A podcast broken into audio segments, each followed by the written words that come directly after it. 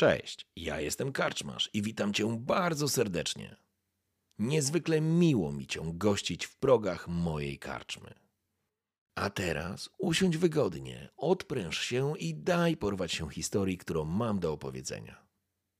A jeśli spodoba Ci się to, co usłyszysz, zawsze możesz rozważyć wsparcie mnie za pomocą patronite.pl. Link znajdziesz w opisie. Życzę miłego słuchania. Oby nam się! Go! Dobry wieczór, witam wszystkich bardzo serdecznie. Ja jestem Karczmasz, a wy jesteście w Karczmie. Ze mną w Karczmie dzisiaj zestaw niepowtarzalny, jedyny w swoim rodzaju. Moi szanowni patroni i szanowna patronka, właściwie tak powinien powiedzieć, szanowna patronka i patroni. E, w związku z czym e, jest mi niezwykle miło Was e, przywitać. Zaraz oczywiście oddam Wam głos. Tymczasem jednak tylko słowem wstępu. Dzisiaj gramy trzecią sesję finałową naszej historii w Zewie której nasi bohaterowie, czyli Rosie, Brian, John oraz Carl, będą ostatecznie odkrywać już wszystkie karty i wszystko powinno być jasne. Jak to się zakończy, zobaczymy, ale w Zewie są tylko dwa dobre zakończenia, o których już rozmawialiśmy jeszcze przed wejściem na antenę. Cmentarz albo zakład psychiatryczny, więc gdzieś na pewno trafią. W każdym razie, e, jeszcze to zawsze sobie obiecuję powiedzieć już się zamykam, ale to jest ważne. Sesja RPG to jest tak naprawdę, to są tak naprawdę gry fabularne, w którym w ramach pe- pewnej konwencji, czyli świata, w którym gramy, a to są lata 20. w Stanach Zjednoczonych, w klimacie Lovecrafta, czyli z całą masą jego mitologii, są osadzeni nasi bohaterowie, którzy są odgrywani przez naszych graczy. Różnica między tym, tą grą, a byciem na, w teatrze albo oglądaniem filmu polega na tym, że nasi bohaterowie nie mają scenariuszy. Oni grają i podejmują decyzje tak, jak myślą i tak, jak uważają, przez co tworzą własną historię. Nie ma tu scenariusza poza takim, który ja mam gdzieś tam w głowie, jakiś plan. Taka jest różnica w grach fabularnych, a na przykład w serialu czy w teatrze. E, I tyle. Mm, Zostawiam teraz, e, przekazuję głos e, szanownym graczom. Powiedzcie parę słów o swoich postaciach. Przy okazji czat będzie miał okazję, żeby po pierwsze zagłosować i będą również nasze Egonik, poproszę Ciebie o szybkie mm, ankietki i to będą ankietki na kość, kość ułatwiającą lub utrudniającą. Jeżeli wylos, w zależności jak czat zagłosuje, tak będziecie mieli podczas jednego rzutu na dzisiejszej sesji. A przy okazji czat poproszę o poziomy głośności, czy dla Was są ok, czy nie. No i zaczniemy od Rosie. Hejka, to moja postać to jest e, Rosie McCann, piosenkarka, Irlandka. To się tr- trochę, trochę nie udało. No i tak, e, cóż, e, jak, jeżeli nie oglądaliście poprzedniej sesji, to oczywiście nadróbcie, a jak oglądaliście, no to wiecie, że ogólnie jako piosenkarka to dobrze słyszę, więc usłyszałam jakieś dziwne dźwięki i ogólnie już jestem bardzo wyjątkowa i to szaleństwo mnie już bardzo mocno czeka. to tyle. Okej, spoko. Y, Nordman, kogo głośniej? Agę, podgłośnić? Dajcie znać, jak słyszycie. Nie wiem, mam wrażenie, że jest dobrze, ale jeżeli jest za cicho, to będę e, ustawiał. Przelecimy teraz do Briana. E, tak, nazywam się Brian Packer. E, jestem młodym e, mężczyzną z wyższych sfer, wygadanym. E, niektórzy nazywają go szarlatanem, ale on po prostu e, potrafi rozmawiać z ludźmi. E, został wyrzucony przez, przez swoich rodziców z domu wraz ze swoją siostrą, którą bohatersko ocalił przed agresywnym mężem. No i co? No i tej chwili e, wplątał się w jakąś dziwną kabałę, w którą sam nie do końca wierzy, ale chyba jednak musi i idzie z przyjaciółmi szukać nie wiem czego. Kuza. Okej, w porządku. E, oczywiście leci już ankieta, więc zachęcam wszystkich do oddawania głosu. Pierwsza jest Rosie, czy zaśpiewa po raz ostatni tak, utrudnienie, nie, ułatwienie. Więc wszystko na razie wskazuje na to, że będziesz miał ułatwienie. I przechodzimy do naszego e, pasterza naszych dusz, Karla Mackenzie. No cześć wszystkim, ja gram dzisiaj ojcem, ojcem Karlem Mackenzie. E, Nie za bardzo lubimy się z biskupem, prowadzę małą zawiedzoną parafię. Wiadomo, jak to bywa, chcą... Biskup chce pozbyć się mnie z tej parafii, ogólnie chyba z, z całego kraju. Razem tutaj z grupą przeżywamy fajne przygody. Oczywiście moja postać próbuje to brać wszystko na wiarę. Co się okaże dalej? Zobaczymy.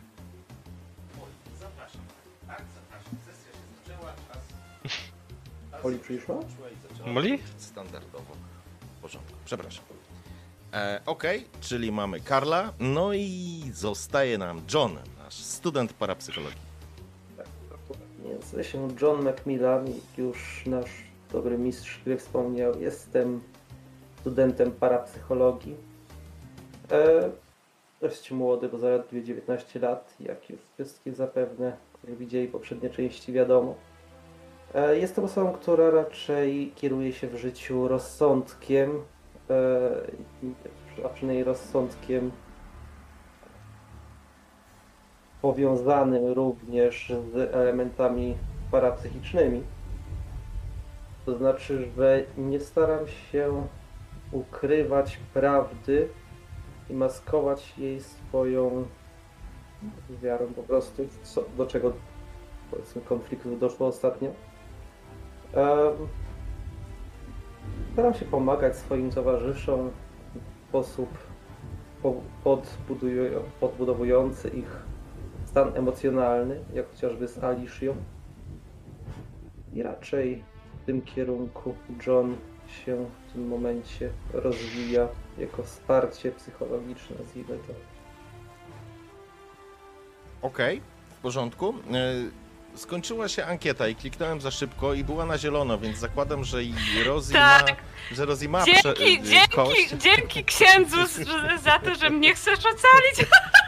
Aha, czyli tutaj widzę Łaska boska. ustawka między graczami sobie pomagają. Dobrze, w porządku. Niestety ja wcisnąłem za szybko i nie zdążyłem przeczytać.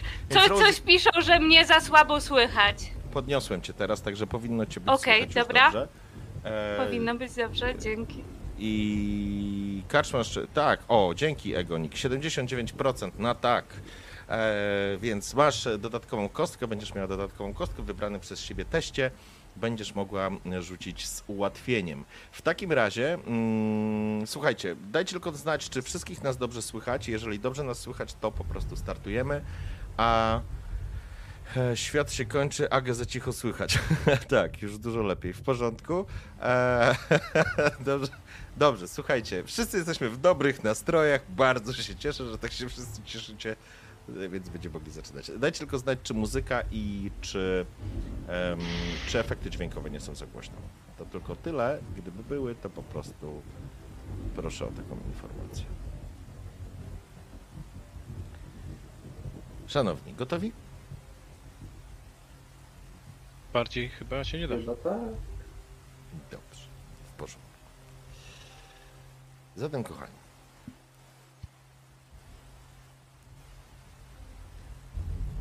Zatem, kochani. Och, właśnie, zobaczyć. Znajdujecie się w Northside, a właściwie po północnej stronie rzeki Miskatonic, czyli w tym, e, w tej bardziej, w tej nowszej części Arkham, chociaż ona również ma swoje takie miejsca, które zaczerpną. Słuchajcie, ktoś ma z was mikrofon i ktoś ściąga mikrofon. Dosyć głośno oddycha. Ktoś tak westchnął przed chwilą strasznie ciężko z was i tylko zwróćcie uwagę, czy nie jest To za mogłem być ja? Nie wiem, nie wiem, nie wiedziałem kto, ale po prostu, żeby to zwrócić uwagę. A, a my wracamy. Więc zakończyliśmy ostatnią sesję, kiedy staliście przed wjazdem na most Garrisona i tam się wydarzyło parę, parę kwestii. Między innymi wypadek swego rodzaju, to znaczy pewnej ciężarówki, cysterny, jakiegoś takiego Forda, który wypadek pociągnął za sobą e, śmierć dwóch kierowców. Ekipa zeszła na dół, sprawdzała to. Pamiętam, że miała fantastyczne rzuty. E, I nie dała się złapać, a wyciągnęła trochę informacji. Dwóch, e, dwóch kierowców nie żyło. Była to zdecydowanie ciężarówka z firmy Duranta. No i wróciliście do samochodu. Deszcz cały czas kapie, to znaczy delikatnie pada. Gdzieś słychać w tle burzę. Aby pojechać do kościoła świętego Michała, musicie pojechać albo zachodnim, albo wschodnim mostem, lub pojechać w miejsca inne, w które byście chcieli. Pytanie: co i jak? A, y, Kaczmarz, przepraszam, bo jeszcze, jeszcze była prośba, żeby przypomnieć, co się działo na poprzedniej sesji. Ale kto się pytał? Chyba, chyba, chyba głównie na czacie i tam na, na Discordzie naszym kaczemnym, Ko- ale... Kochani, nie będziemy wracać, bo to jest po prostu opowieść całej historii, tylko tyle dodam, że e, nasi gracze summa summarum, poza fantastycznym odwiedzeniem fantastycznej restauracji Viva Italia i podaniem i zasmakowaniem fantastycznie seru, w pewnym rodzaju sera, odwiedzili również e, Jacoba Edelmana, Edelsteina, przepraszam. I jak pamiętam, w końcu sprawdzili trop z pocztą, z tego co pamiętam, i dowiedzieliście się, że również e, lustro, które było nadawane, było nadawane za pomocą ludzi mm, Duranta. A później wyjechali, wyjechaliście stamtąd i właśnie przed mostem chcieliście jechać, z tego co pamiętam, właśnie do, mm, na plebanie. E, I e, przed mostem zatrzymaliście się, bo był e, wcześniej wspomniany wypadek. Em, I to jest tyle.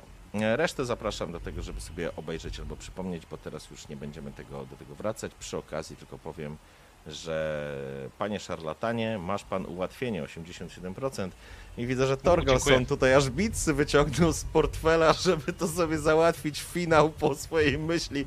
Co za przekupstwo. Duchowna osoba po prostu. Czyli to No, był na swojej opiece, czy coś takiego. O Jezus, masakra.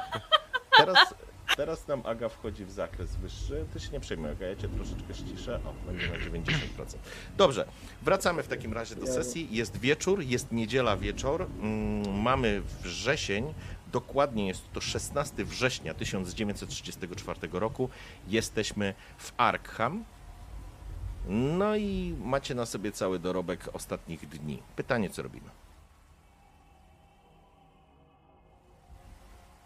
No, A Czy, do na czy plebanie. pamiętacie może, kiedy Jacob miałby nam dostarczyć jakieś informacje? W niedzielę. W poniedziałek. A Poniedziałek. poniedziałek, tak, poniedziałek, tak, tak, tak, tak. Dokładnie. Czy jeszcze mamy Jest trochę coś- czasu? Tak była już bodajże późna dosyć godzina, więc teraz chyba mieliśmy w planach wrócić na plebanie, by omówić dokładniej Mhm, nasze tak, następne ruchy. jak najbardziej tak. Wydarzenia były takie, jakie były. To znaczy, m, jakby dostaliście troszkę więcej informacji. Macie coraz inaczej, macie coraz więcej informacji i kawałki, kawałków tych puzli. Przypominam również, że e, kiedy byliście w, m, na poczcie, e, była informacja i dowiedzieliście się również, że był pożar w mieście, to znaczy pożar, e, straż pożarna gasiła pożar na gdzieś w północnej części miasta, a później mieliście kwestię z wypadkiem i potwierdziliście, że to byli kierowcy, którzy najprawdopodobniej byli osobami, które dostarczyły lustro na pocztę. Mhm. Tak, od Duranta, no. Dobrze, czyli dokąd jedziecie, powiedzcie, odprawy. żebyś, żebyśmy mogli to po prostu przeskoczyć, bo stoimy cały czas przed mostem.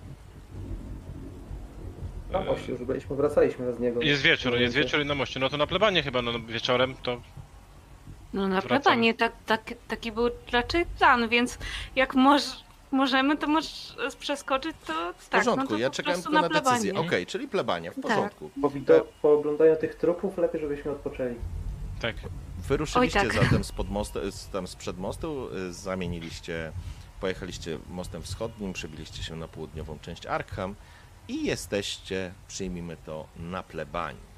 Na plebanii nie ma nikogo, plebania jest zamknięta, Karol oczywiście sięgnął po klucze i otworzył drzwi.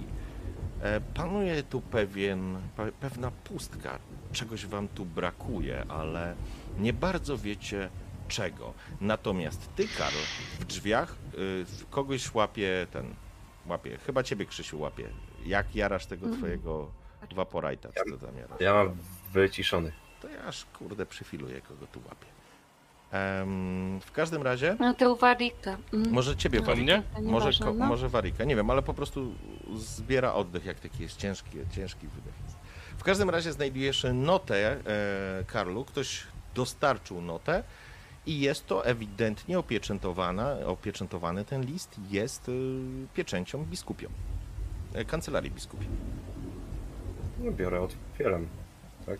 Biskup muszę czekać. Oczywiście. Wchodzicie do środka. Zapaliliście te światła, tak jak powiedziałem. Czujecie pewien brak Czegoś wam tu w tym wszystkim brakuje, niemniej jednak przechodzicie do części kuchennej, tam gdzie zazwyczaj e, byliście, siadaliście po prostu i sobie omawialiście bieżące sprawy. Przy okazji mamy wynik ankiety dla biskupa. Czy ksiądz po raz ostatni zadrze z biskupem? Tak. Utrudnienie, panie Mackenzie, dostajesz. I patrz, nie udało ci się ustawić. Buczo cię skontrował. Masz w takim razie utrudnienie i będzie ostatnie. To widzę, że jakie gierki, mind gamesy tu się dzieją. Eee, w każdym razie e, będziemy teraz ankietę prowadzić dla Johna, ale my wracamy do sesji. E, Wchodzisz, otwierasz. Widzieliście, że Karl po prostu sięgnął po jakąś kopertę. Otwierasz, zaczynasz czytać, kiedy tylko światło wypełniło korytarz. E, Pomijając, e, jakby przechodząc do clue, to pismo jakby nie zawiera żadnych e, przyjacielskich informacji. Jest absolutnie efektem tego, że odwołałeś bez konsultacji dzisiejsze msze, których, które się nie odbyły. Zatem jesteś wezwany, mówiąc wprost, na dywanik do biskupa. Bez konkretnego terminu. Jak najszybciej, rzecz jasna. Niezwłocznie. Okej, to mi wystarczy. E, W każdym razie, w każdym razie wchodzicie do środka. Okej. Siedzicie przy tym stoliku i oddaję wam scenę. Tak, Widzieliście te, te rany w tych ciałach? Ja jeszcze tak właśnie. Ja chyba z tego co pamiętam zostałem w aucie, nie? Tak, Ja ty, tam Brian, chyba- nie byłeś. Tak, ja akurat nie widziałem. Tak, Nie no. miałeś swoich pistoletów. mm, Tak. Dokład, dokładnie tak było. Gdzie to, to no, no zrobiło wrażenie, no bo jak miało nie zrobić, nie? Tro, trochę szokujące. John Co myślicie zdecydowanie o tym najtrudniej sobie z tym poradził, z tego co pamiętam. I jest taki nieswój, był małomówny, wyglądał trochę na skwaszonego. a Był Blady, blady był i bardziej spocony. zwykle. Tak. To tej rany nie, wy, nie zrobił człowiek, ani nawet wypad, wypadek nie mógł czegoś takiego spowodować. Tak jak mówiłem, ta, ta bestia, ona eliminuje chyba wszystkich po kolei. Oni Na- też mieli na kontakt drodze. w końcu, tak? Z tym lustrem. No to musi być jakoś połączone, no nie wiem, no to nie może być przypadek, że to jeszcze i jego ciężarówka, tak? A jak już wiemy, zresztą jutro, nie wiem, z samego rana musimy iść do, do tego Żyda, a, a później bierzemy ze sobą broń i idziemy do Duranta. Ja nie widzę innego wyjścia, musimy, nie wiem, Mhm. ja tak tylko ten list cały czas trzymam w ręku. Macie, przeczytajcie. biorę. Zaczynam czytać, jak jestem mniej więcej w połowie. Mówię, no. Nic czego wcześniej w sumie.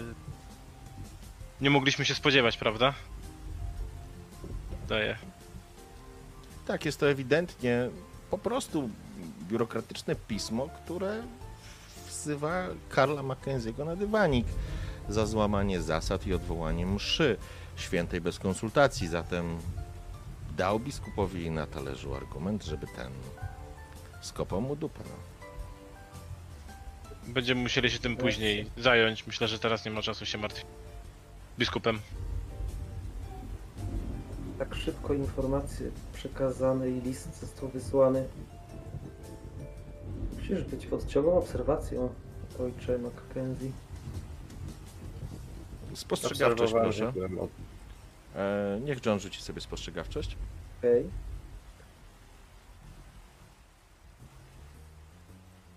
Postrzegawczość. Czekaj, zieloną czy fioletową? Nie pamiętam znowuż. Cholera, Zieloną. Zieloną, no. Ja też mam zawsze z tym. Tą drugą. Sukces, tak? Okej, fantastycznie. Ekstremalny. E, Ekstremalny jeden? Nie, Z- 44. cztery. A. Jest okej. Normalny sukces, ale on ci absolutnie wystarczy. E, słuchaj, em, jakby Chciałem cztery przecież. ja widzę. cz- A, to czemu nie Cztery. widzę rzutu? 0,4. 0,4 ma, no. Ekstremalny. To poczekaj, bo ja nie No. widzę rzutu. Sekundę, muszę to sprawdzić. E, dlaczego tak się stało? Sekunda.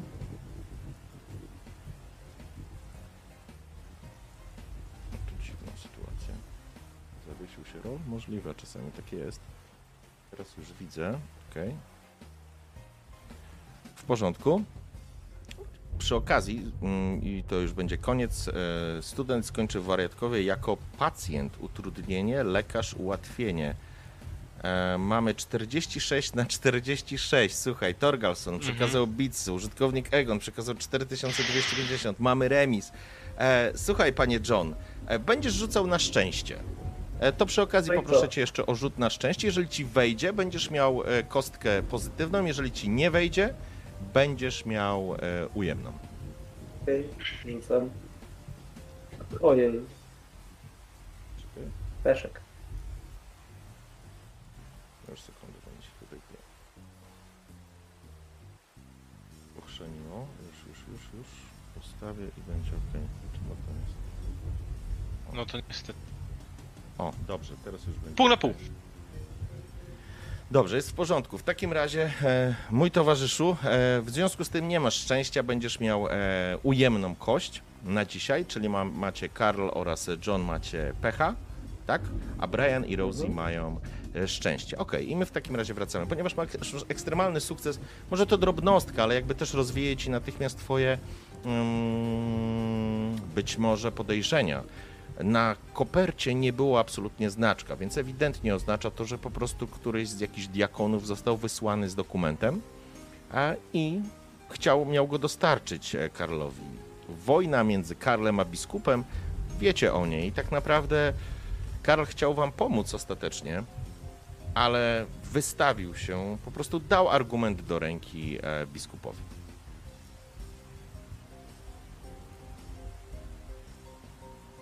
No ale to chyba jeszcze nie znaczy jeszcze nic takiego strasznego, tak? No nie może przecież ojca odwołać za to. Jeszcze nie jest nic takiego, coś ksiądz powie, że tam brzuch bolał.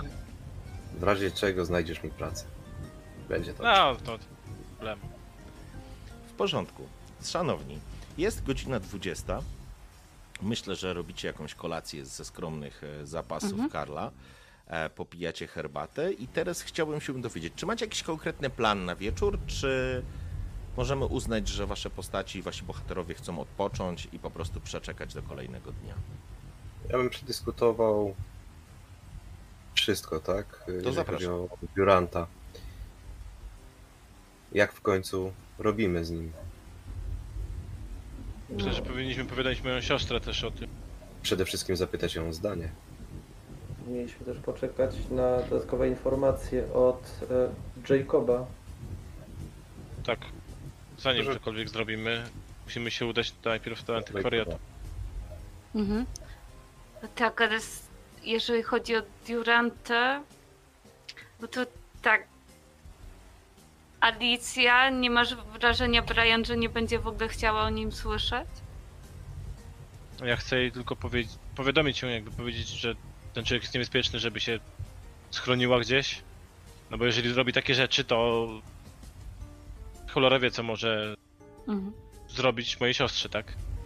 Znaczy, jeśli ta bestia również ściga ją, to nieważne jak się schowa i tak, to Ja myślę, żeby Alicja jeździła z nami przez jakiś czas. Żeby nie była sama. Też, też tak.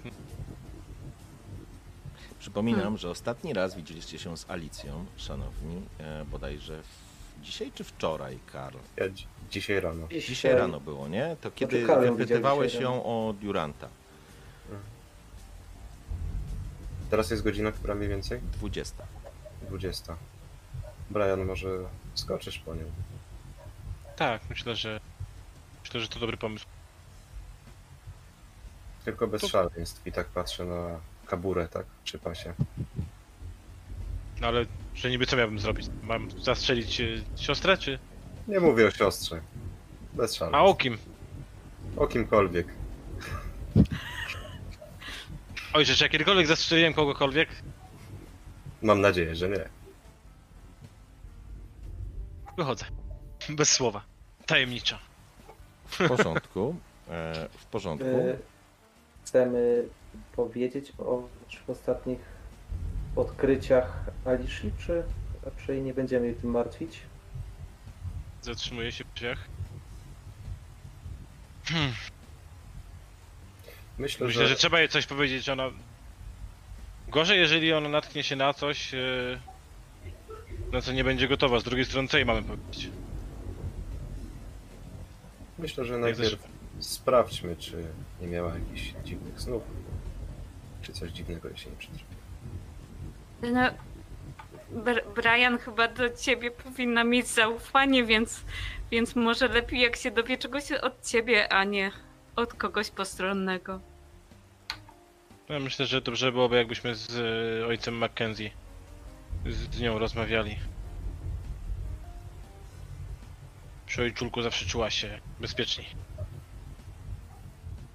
Możemy porozmawiać, ale wolałbym tutaj niż po drodze lub...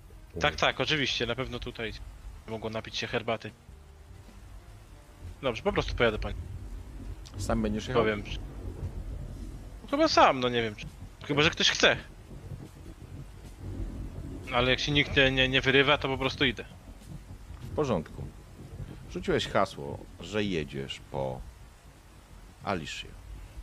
Kiedy wszedłeś do korytarza, tego samego, w którym jeszcze niedawno stało lustro, wśród zapalonych lamp, które rzucają takie żółte, brudne światło, gdzieś wśród desek mienią się jeszcze kawałeczki pobitego lustra. Nie udało się oczywiście wszystkiego sprzątnąć. Idziesz do przodu i wszyscy słyszycie gdzieś uderzenie burzy i kapiący deszcz o dach, ale to nie jest istotne. Wszyscy słyszycie uderzenie kołatki w drzwi. Wstrzymuję się. Te drzwi są gdzie dokładnie? To są Gdzie główne te, tak? to są te y, drzwi, Teraz. które prowadzą na plebanie. Nie? One są przed tobą dosłownie parę metrów. Jacyś wierni Za, za, za, za, zatrzymuję się na chwilę, przez chwilę słucham, nie, nie otwieram drzwi. Jeszcze raz jest uderzenie. Odstaję, widzę, że Brian zastygł, podchodzę. Dobra, nie, jak, jak ten, jak ojciec wstaje, to ja o, otwieram drzwi. Sięgasz do klatki, klamki i słyszysz ojcze Mhm. mak. I, i, Okej. od, otwierasz drzwi i widzisz halo? przed drzwiami stojącego funkcjonariusza. Ma na sobie taką czarną, ciemną kapotę, jest przemoczona, mocno naciągniętą e, czapkę na głowie, na głowę. Dobry wieczór. Y, zaraz, zaraz. Pan Packer. Tak. Na Słucham. Boga. Szukaliśmy pana. E, Dlaczego? Przepraszam, przepraszam za Co się zamieszanie. stało? Proszę wejść. Zapraszam ich na plewanie, tak, żeby... Mężczyzna, wcho- mężczyzna wchodzi, ściąga czapkę natychmiast, e, skłania się przed tobą. E, Karl, jego twarz jest e, zatroskana, spogląda się natychmiast e, to na ciebie, to na, na Briana. Ojcze, przepraszam za zamieszanie, właściwie to e, szukamy pana Packera. O co chodzi? Chwytam go za ramię. S- Spokojnie. Panie Packer, pani Alicia Packer to pańska siostra, prawda? Tak. Bardzo mi przykro, ale mam bardzo złe informacje. Miał miejsce jakiś wypadek. Czy może pan z nami pojechać na, do domu pani Alishi? Wiesz, że Alicia Jaki wynajmo- wypadek? Alicia wynajmowała jakąś czynszówkę w jakiejś kamienicy, całkiem nieda, niedaleko stąd nawet, mm, w południowej części, rzecz jasna, mm, Arkham. Na tyle blisko, że często pomagała Mackenziemu. Nie, nie bardzo potrafię to wyjaśnić, ale y, Dobrze, chyba, jedźmy, wychodzę z domu, wychodzę z... chyba najważniejsze, Tak. że żyje, słyszysz takie ha- zdanie za sobą. Już wyszedłem. Tak. Ja od razu wychodzę za Brianem, pojadę z wami. Słyszeliście to również i Rosie i John. Mhm. Ja, E. ja biegnę praktycznie do samochodu. E, Widzisz, że zaparkowany jest niedaleko e, samochód policyjny. Jest tam, siedzi również jeden, e, jeden policjant za kierownicą. E, Packer, wybiegasz gdzie biegniesz? Do swojego samochodu czy do tej Tak, policji? do swojego samochodu. W porządku. Natychmiast zbliżasz się. Karl, idziesz za nim. John, Rosie. Właśnie Rosie, może my też tam pojedziemy. Może nie, nie rozdzielajmy się teraz. Mm. Okej. Trzymasz taką świeżą Mo- może, herbatę. możemy, nie wiem czy mamy teraz wrzucę do plebanii, żeby to tak nie zostawiać. Karol na pewno się wrócił po jakąś kapotę. E, Brian, ty będziesz dobiegał do auta. E, Policjant tylko się spogląda. To proszę ze mną, podrzucimy, proszę księdza. Po czym nakłada tą czapkę, tak mocno naciska, na, naciąga na czoło i wychodzi w deszcz. Brian, już prawie jesteś przy samochodzie. E, Karl, Rosie, John. Wasza decyzja i przechodzimy dalej. Okej, no to, to, to, i- to jedźmy w takim razie. Po, John pomogła wybiega. nam tyle, ile umiała, więc może. Więc na pewno warto tam pojechać. W porządku, John, wybiegasz. Karl, bardzo, bierzesz jakąś za. Brianem, tak. Okej, Ja też. dostrzegasz go, jak on już, wiesz, wsiada do samochodu i po prostu próbuje odpalić. Raz, drugi, dopiero za trzecim razem udało ci się, Brian, odpalić tą kupę złomu, ale Johnowi dało to czas na to, żeby podbiegł do samochodu i otworzył drzwi. Widzisz twarz Briana i zdecydowanie jest przerażony. Wsiadasz czy nie? Tak, je, jeszcze nic nie wiemy, spokojnie. To wsiadaj. E, Policjant spogląda się na ciebie, Karl. E, Proszę za mną. E, Kiedy Rosie również e, podchodzi, spogląda się tylko z takim znakiem zapytania na ciebie, Karl. Ja tak patrzę, to chyba nie jest problem, prawda? O, oczywiście. Proszę, proszę za mną. Rusza do Jak John tylko samochodu. wsiadł, to odjechaliśmy od razu, nie? Ja tam nie czekałem na W porządku. Z piskiem opon ruszyłeś w ciemną, brukowaną alejkę, którą oświetlało kilka lamp.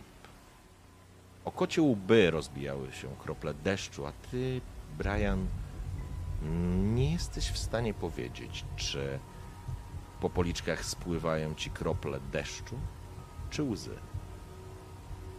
Widzisz, Johnie, że Brian po prostu docisnął gaz do deski, wcisnęło cię w siedzenie i natychmiast poczułeś się nieswojo.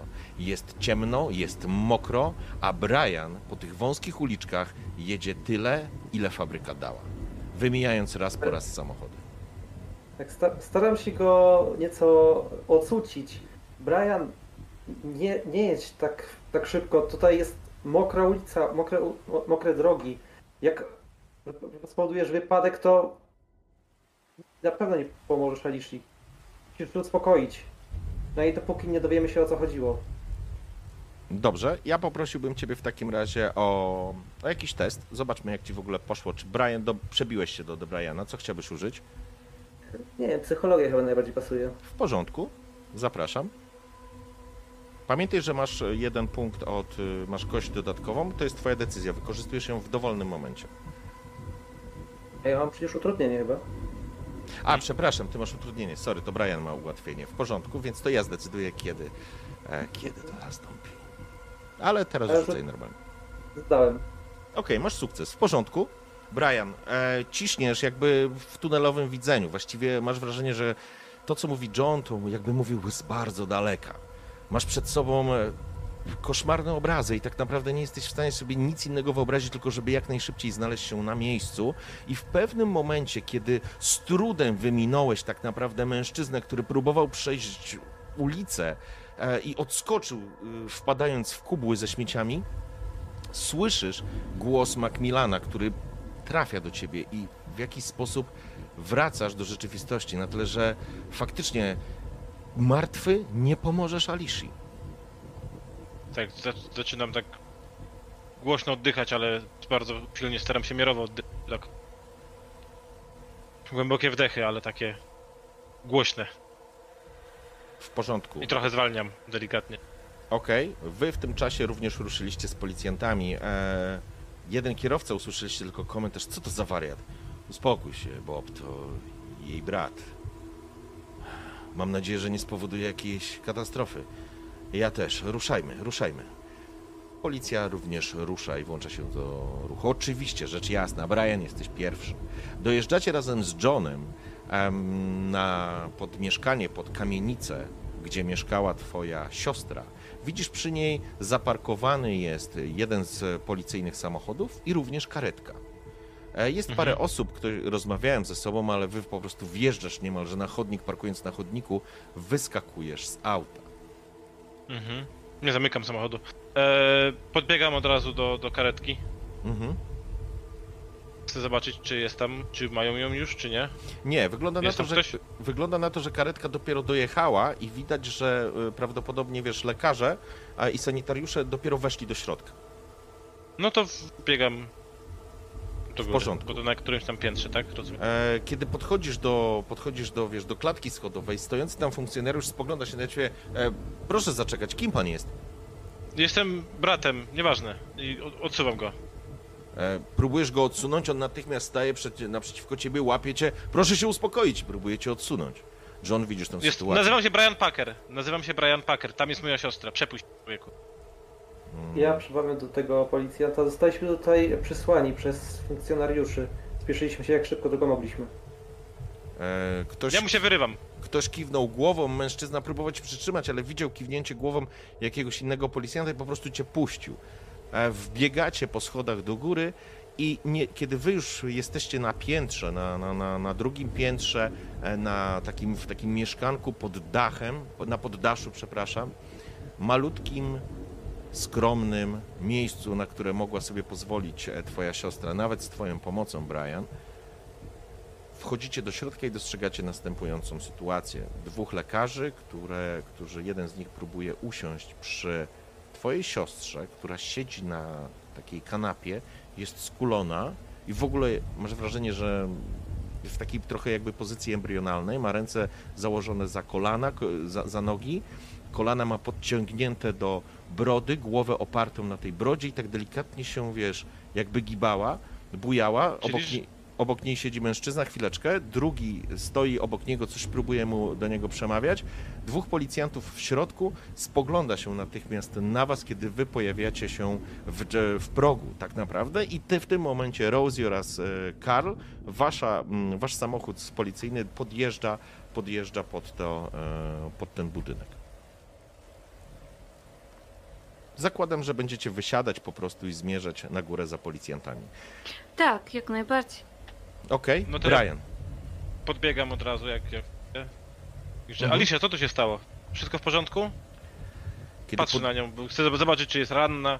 kiedy podbiegasz, e, wiesz, susy sadzisz przez całe to niewielkie pomieszczenie, bo tak naprawdę dostrzegasz, John, że to jest jeden taki pokój z niewielkim korytarzykiem, który odprowadza, je, odprowadza do kuchni i chciałbym, żebyś... E, to, to inaczej.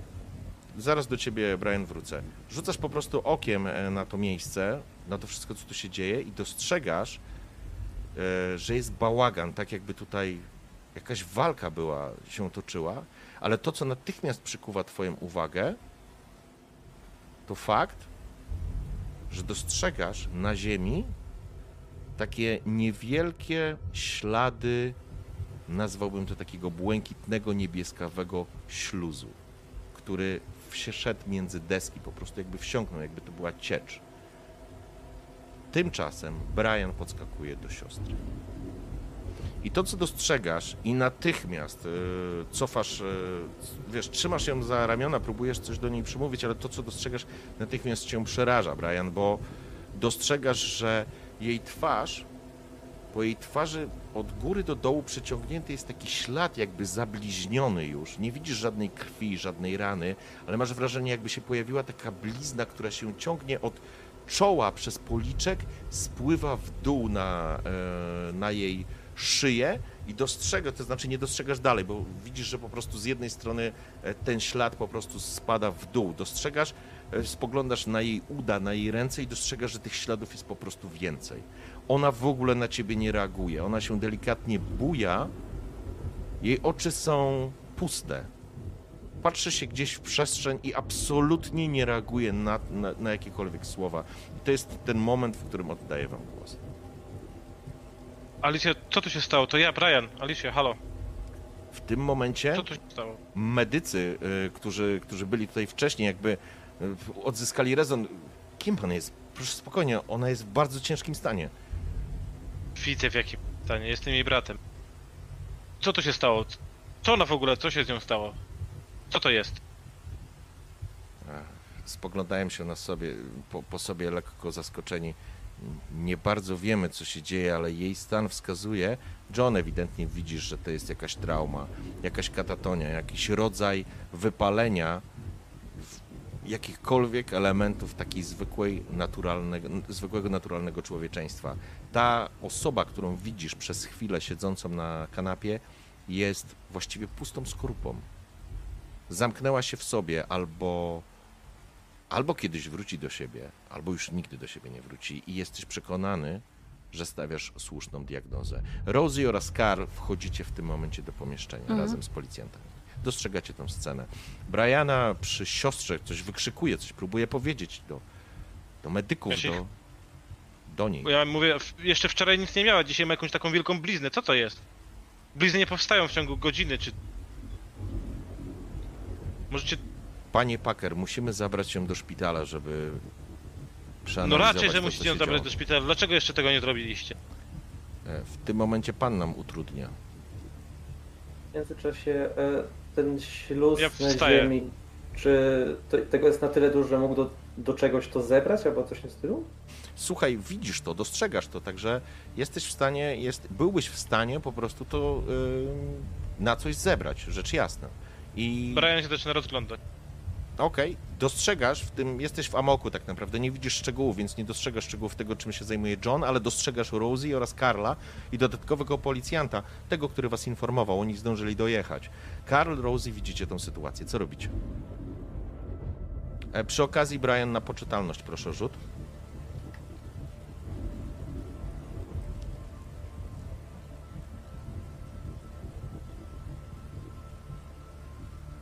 Ekstremalny sukces. Pięknie, pięknie. Co to dla mnie?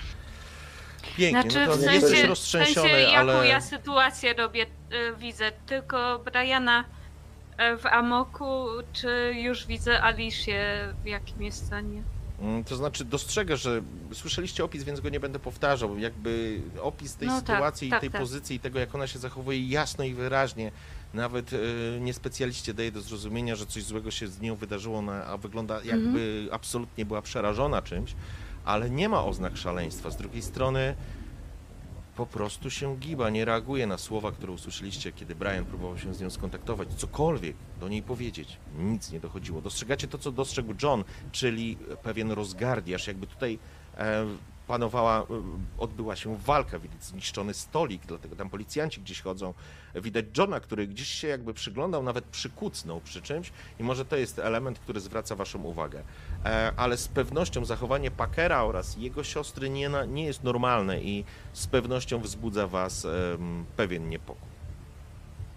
Ja na pewno chciałem podejść do medyków. Gdzie ją zabierzecie? Do którego szpitala? Do głównego miejskiego musimy ją zabrać, musimy ją zbadać, zobaczyć co się dzieje. Te rany wyglądają, spogląda się teraz na Packera, który, który niemalże tupcze, tu, tupie w miejscu. Bardzo dziwnie to są, faktycznie jakby były zabliźnione, ale nie wiemy co się stało. Były jakieś, była jakaś awantura i sąsiedzi wezwali policję. Kiedy weszła tutaj policja, nikogo... E, proszę się zająć swoją pracą, odzywa się jeden z policjantów. E, Ja właśnie chciałem też... pole- Pan jest e, bratem pokrzywdzonej. Tak, tak, jestem bratem. Co tu się stało? Dostaliśmy wezwanie od sąsiadów, że jest jakaś awantura, że strasznie tutaj są jakieś odgłosy awantury. Przyjechaliśmy, nikt nam nie otwierał. Kiedy otworzyliśmy drzwi, zauważyliśmy tak naprawdę zastaną sytuację. Nie było już napastnika. No to jak napastnik zamknął drzwi i od środka i zniknął? Wyszedł oknem, nie wiem, podchodzę do okna. Ja tak podchodzę do tych Szukam, policjantów. pa, szukam drogi, którędy mógł wyjść napastnik, skoro drzwi były zamknięte. W A porządku. przepraszam bardzo, a sprawdziliście całe mieszkanie? Czy zajęliście się od razu tą osobą? spogląda się, kiedy ustaliliśmy, że poszkodowana jest w stanie przetrwać jeszcze chwilę, to rozejrzeliśmy się oczywiście po mieszkaniu, ale nie dostrzegliśmy niczego specyficznego. Żadnych śladów włamań, ucieczki, czegokolwiek? Nie było włamania, drzwi nie były uszkodzone, zamek nie był uszkodzony, jeżeli miał napastnik tutaj wejść w tradycyjny sposób. Mówię przez drzwi, musiałby mieć klucz. Kiedy Co tutaj, się z nim dotarliśmy, stało?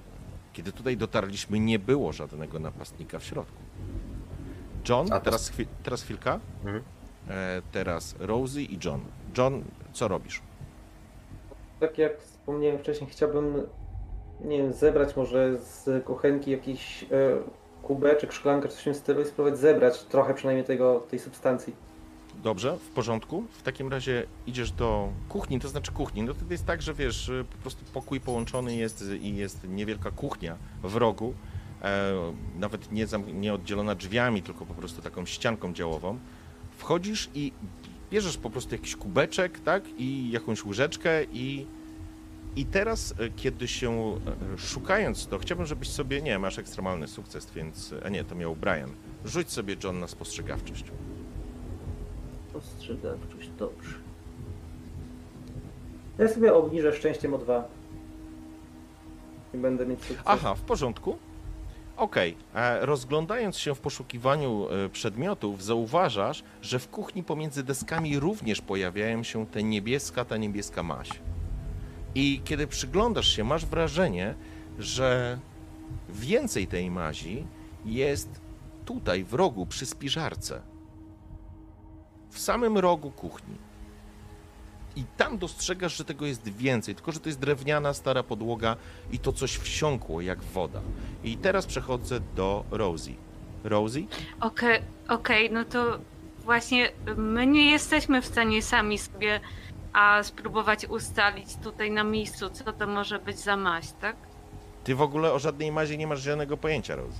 A, dobra, to przepraszam. Także pytanie raczej, co, co robisz? Widzisz Briana, który jest... Okej, no i sko- Karla. skoro, skoro widzę jaka to jest sytuacja i wiemy, wiemy co się z nami wcześniej działo, to ja myślę, że chciałabym spróbować zanucić kawałek tej melodii i ciekawa jestem, czy e, w jakiś sposób Alicia na to zareaguje. W porządku. Okej. W takim razie będę chciał, żebyś e, rzuciła sobie na swoją, e, na swój występ, e, umiejętność Mhm. występ i będzie to test Mm, trudny. mm. Okej, dobra. To nie weszło, Oj, zupełnie, zupełnie nie weszło. 99, porażka 99. Ekstremalna porażka. I to jest Mogę ekstrema- najwyżej. i to jest ekstremalna porażka. No.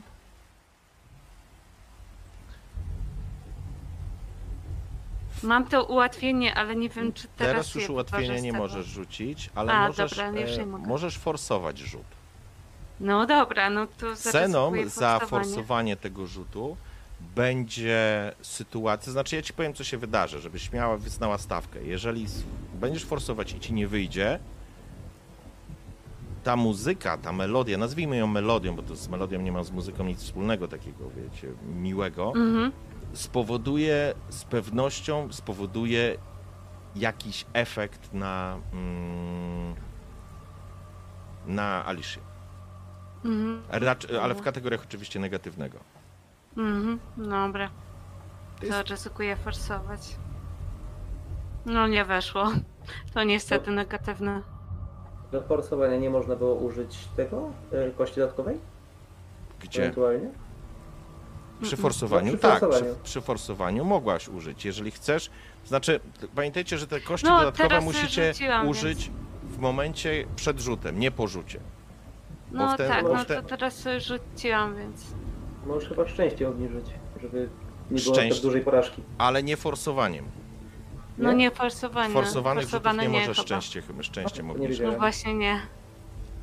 W każdym razie mamy następującą sytuację. Karol rozmawia, y, Karol rozmawia z, z gliniarzem, Brian y, przysłuchujesz się. Po chwili e, w pomieszczeniu pojawia się, s- słyszycie, John poszedł do, ku- w, w część kuchni, dziwne dźwięki z siebie zaczyna wydawać y, Rosie, dźwięki, które mieliście wrażenie już kiedyś słyszeliście i w tym momencie, kiedy wypadają, wybrzmiewają pojedyncze nuty tej chaotycznej kakofonii, dostrzegasz, Brian, jak twoja siostra, która przypominam była z wami podczas tej podróży, otwiera oczy, zaczyna krzyczeć, wstaje i rzuca się w kierunku okna.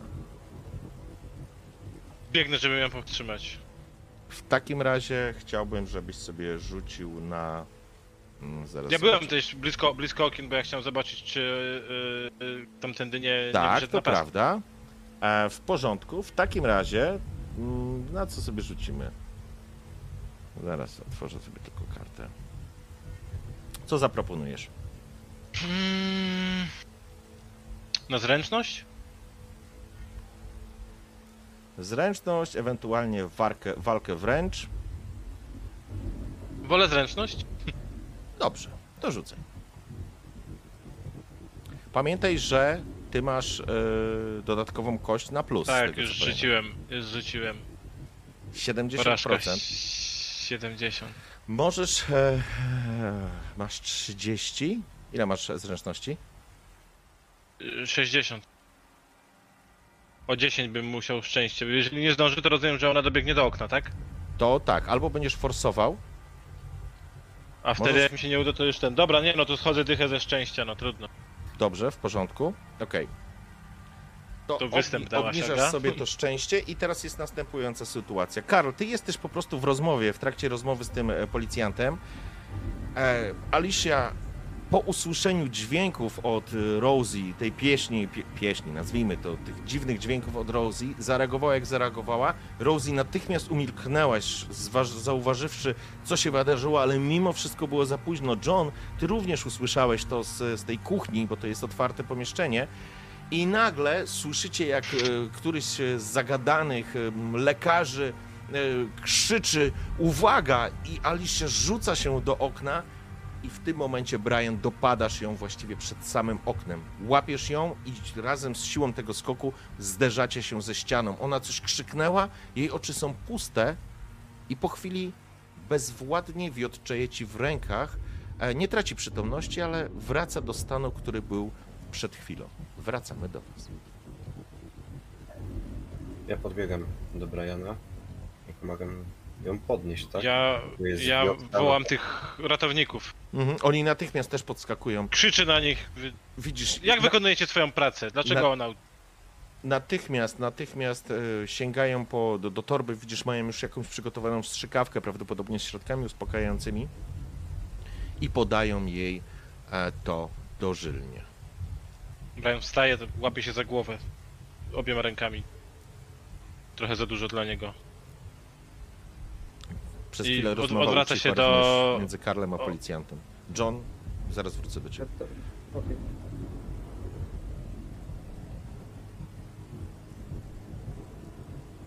Odwraca się do Rosie. Co ty miałeś w ogóle w głowie, żeby to teraz śpiewać? Nie widzisz w jakim ona jest stanie?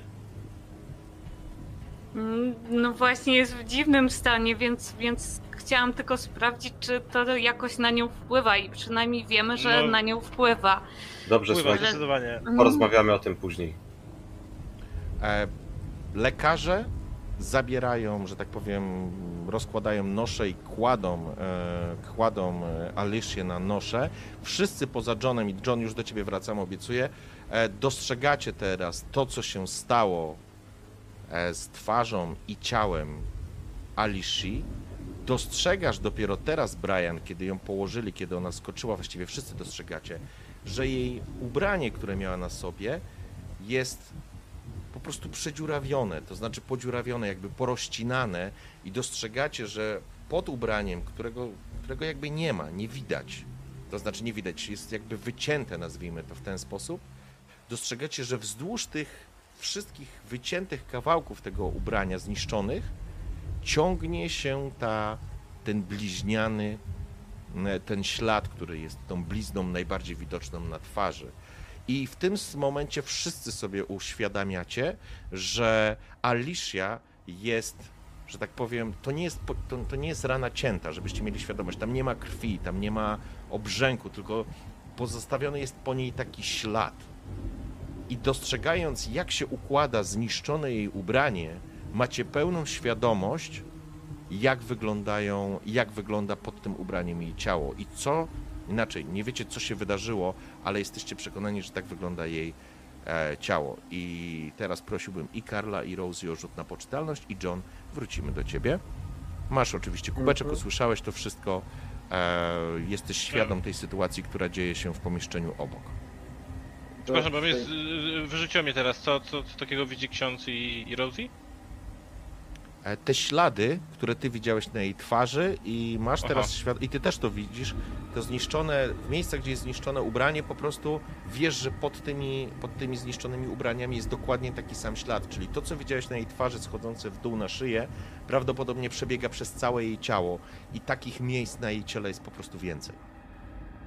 Czy tak jakby coś się pocięło, a potem bardzo szybko się zagoiło.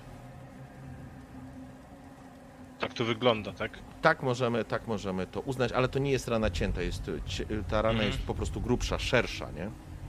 Może bardziej jakby ktoś przeciągnął coś, jakby oparzelina, ale to też nie jest dobre określenie. Ale teraz wracam do Johna, przepraszam, bo John już czekał wystarczająco długo. E, To John, tak jak wcześniej powiedziałem, starał się zebrać troszeczkę tego, tego płynu. E, W międzyczasie jeszcze zanim ten śpiewy i próba ucieczki nastąpiły, prawdopodobnie John starał się jakoś, nie wiem, powąchać może ten płyn, może sprawdzić jego kons- konsystencję. W jaki sposób, przypatry- Johnie, w jaki sposób chcesz to zrobić, powiedz? Na pewno powąchał, żeby sprawdzić jego zapach.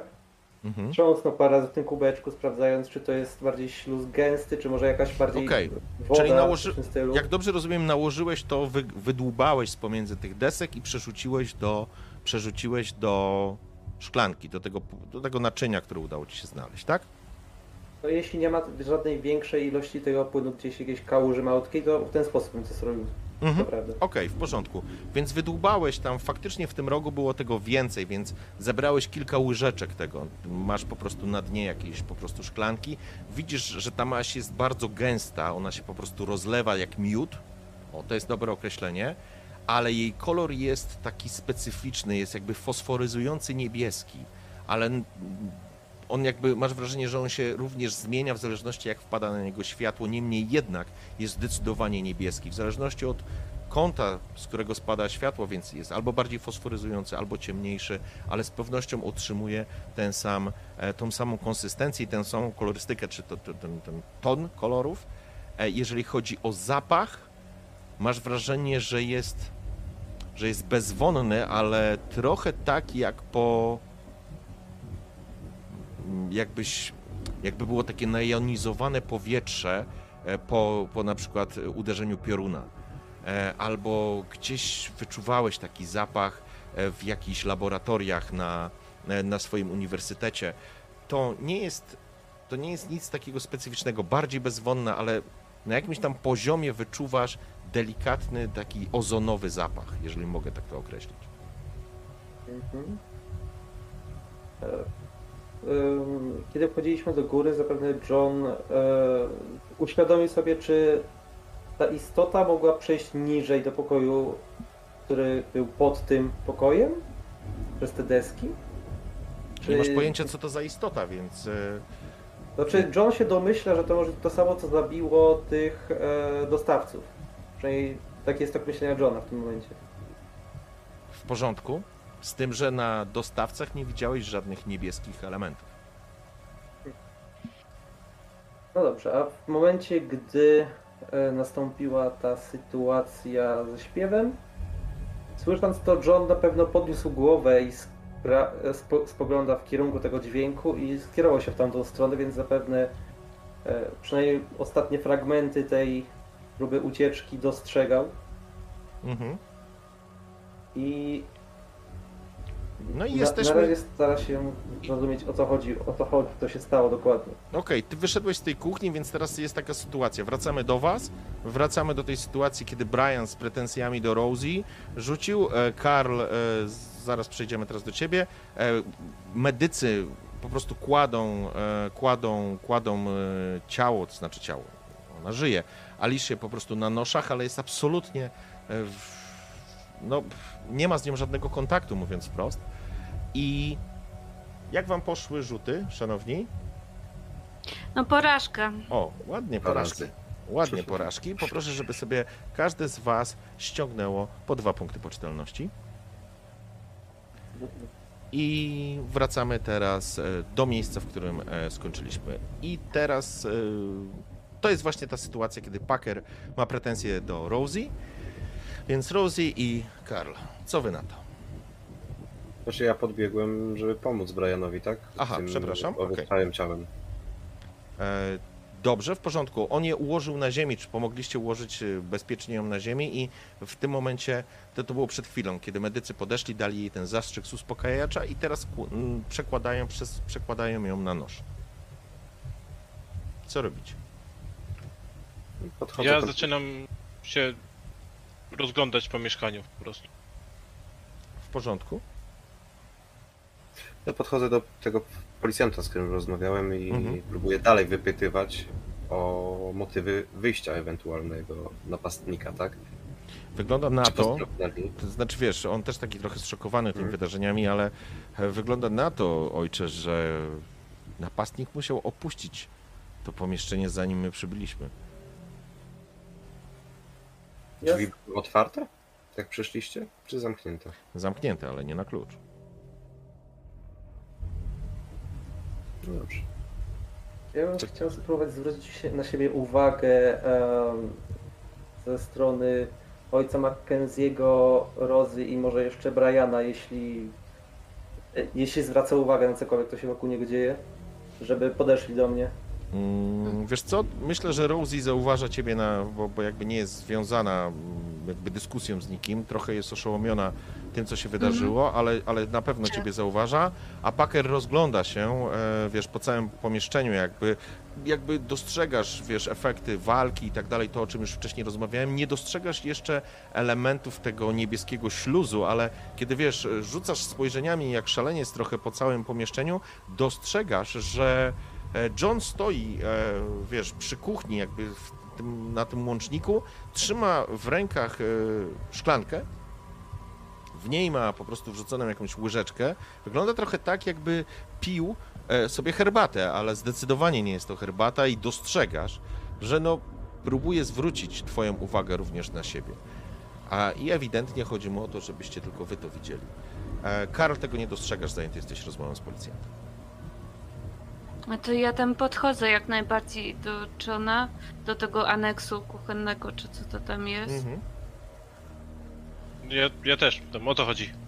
Ja z- znalazłem tutaj coś chyba, wiem co mogło się tutaj stać. Spójrzcie, po- pokazuję im szklankę z tą, e, z tą płynem świecącym, gęstym. To, leż, to, to leżało na ziemi, jakby spływało między deski.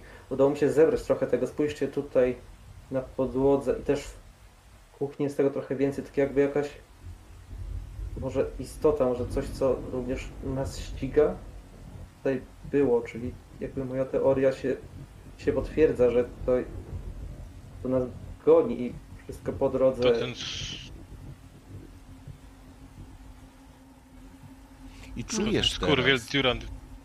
Packer, być może, a I John Rosie. zauważyłeś, w którym, w którym miejscu, jakby w, gdzie spływa dokładnie ta, ta maść, ten płyn, cokolwiek to jest? N- Najwięcej tego płynu było tam w rogu, w, w, tej, w tej kuchence jakby.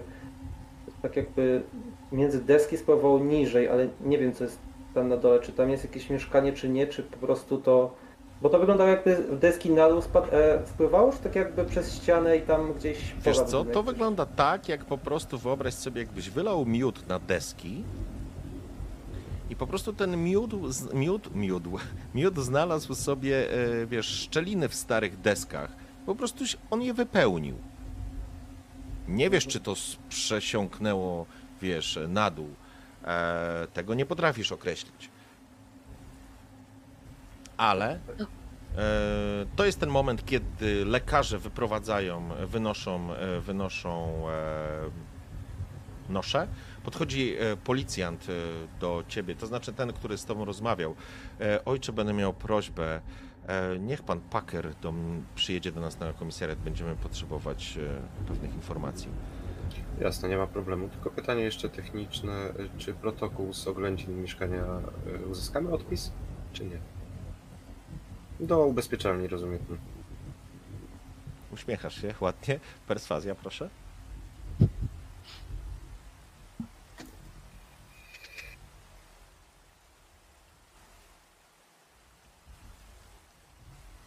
Perswazja, psychologia, manipulacja, co ci tam pasuje, nie? Psychologia by była lepsza, ale dobra. Nie, to znaczy możesz wybrać sobie, możesz sobie wybrać Aha, e, rzut. okej. Bo... Pamiętajcie o tym, że jeżeli jest jakiś test i to wy możecie zaproponować jakąś umiejętność, w której faktycznie wasza postać jest lepsza, wtedy będzie po Mhm. prostu łatwiej, bo ja nie pamiętam po prostu nazw miliona tych umiejek w Zewie, więc e, intencją jest, żeby przekonać e, ty jako nie członek rodziny o uzyskanie informacji. Jasne, czyli co, mogę przerzucić na psychologię? Tak. w tym momencie? Dobra. 34, w porządku. E, Policjant spogląda, chyba nawet poznajesz. On czasami chyba pojawiał się na mszy. Dobrze, ojcze Mackenzie. Y, Jak przyjdziecie, udostępnimy oczywiście wszystkie, wszystkie informacje niezbędne do tego, żeby wam pomóc. Biedna dziewczyna. To coś dziwnego się wydarzyło. E, Mike, skończyłeś? Jeszcze chwila, sierżancie. Widzisz, drugi policjant jeszcze po prostu robi e, cały czas jakby raport z oględzin. Ponieważ nie ma tu ciała, ponieważ nie ma tu sytuacji jakiejś takiej totalnie podbramkowej, jakby sytuacja, jakby policjanci też troszeczkę inaczej do tego podchodzą. Oni nie mają świadomości, co się wydarzyło. E, oczywiście, Alicia nie wygląda dobrze. Ale wy podchodzicie i wy jesteście w tym momencie mm, razem przy kuchni, razem z John, Brian i Ro, e, Rosie.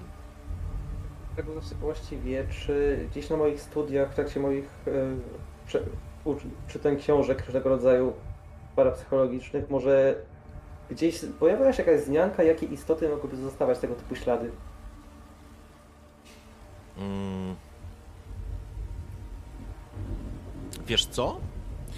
To zapraszam. Co byś, co byś zaproponował? Wiedzę? No i chyba okultyzm najbardziej pasuje. Dobrze, to zapraszam.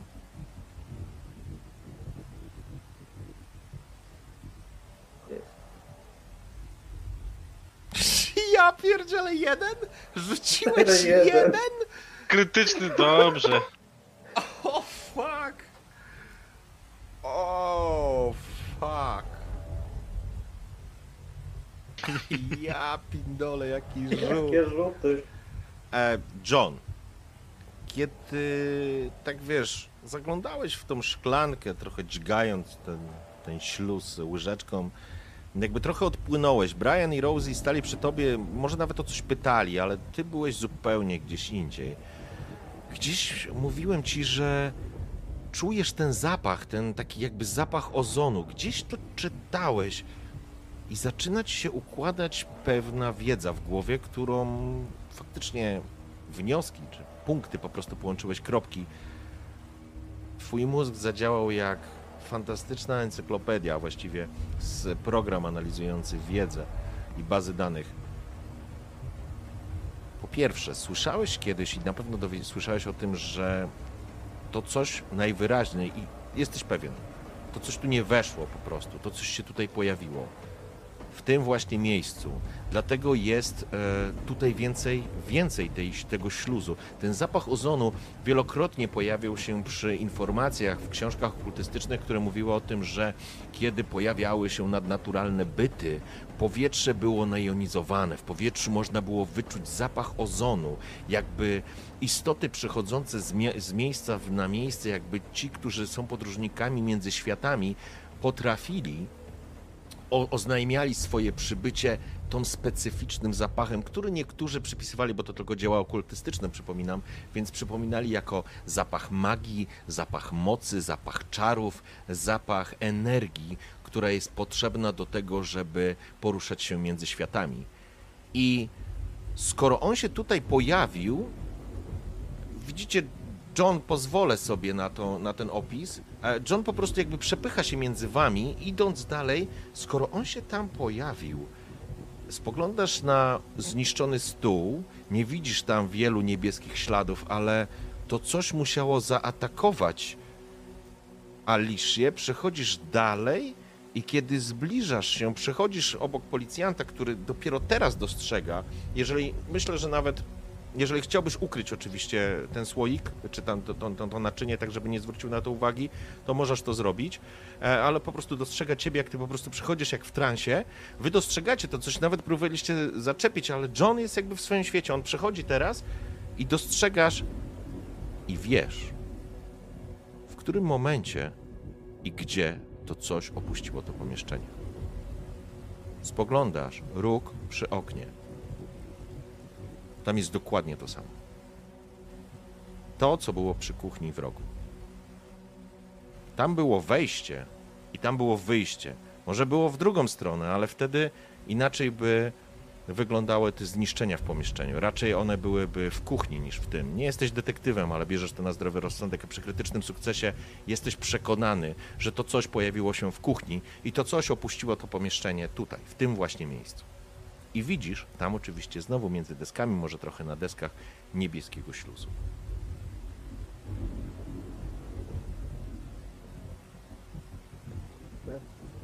E, John ma mrocze pod nosem. Co więcej, jeszcze jedną rzecz chcę tylko dodać, przepraszam, bo to jest też istotne, a to jest związane z informacją z naszej pierwszej sesji. Kiedy podróżowaliście przez em, lustro, pamiętacie, że na końcu coś wyłaziło z błękitnego dymu. Pojawiła się pierwsza łapa i taki jakiś dziwny, wydłużony niebieski pysk. Jesteś przekonany, Johnie Macmillan, że widziałeś, jak po skórze tego czegoś spływał niebieski śluz.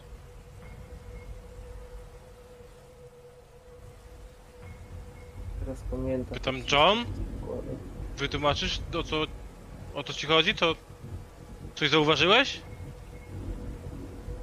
Policjanci No, natychmiast na tą komendę spoglądają się to na Packera, to, to na Johna. Podchodzę do, do Johna. Ale tak do to- policjantów. Panowie, To ma, długo już to jeszcze John?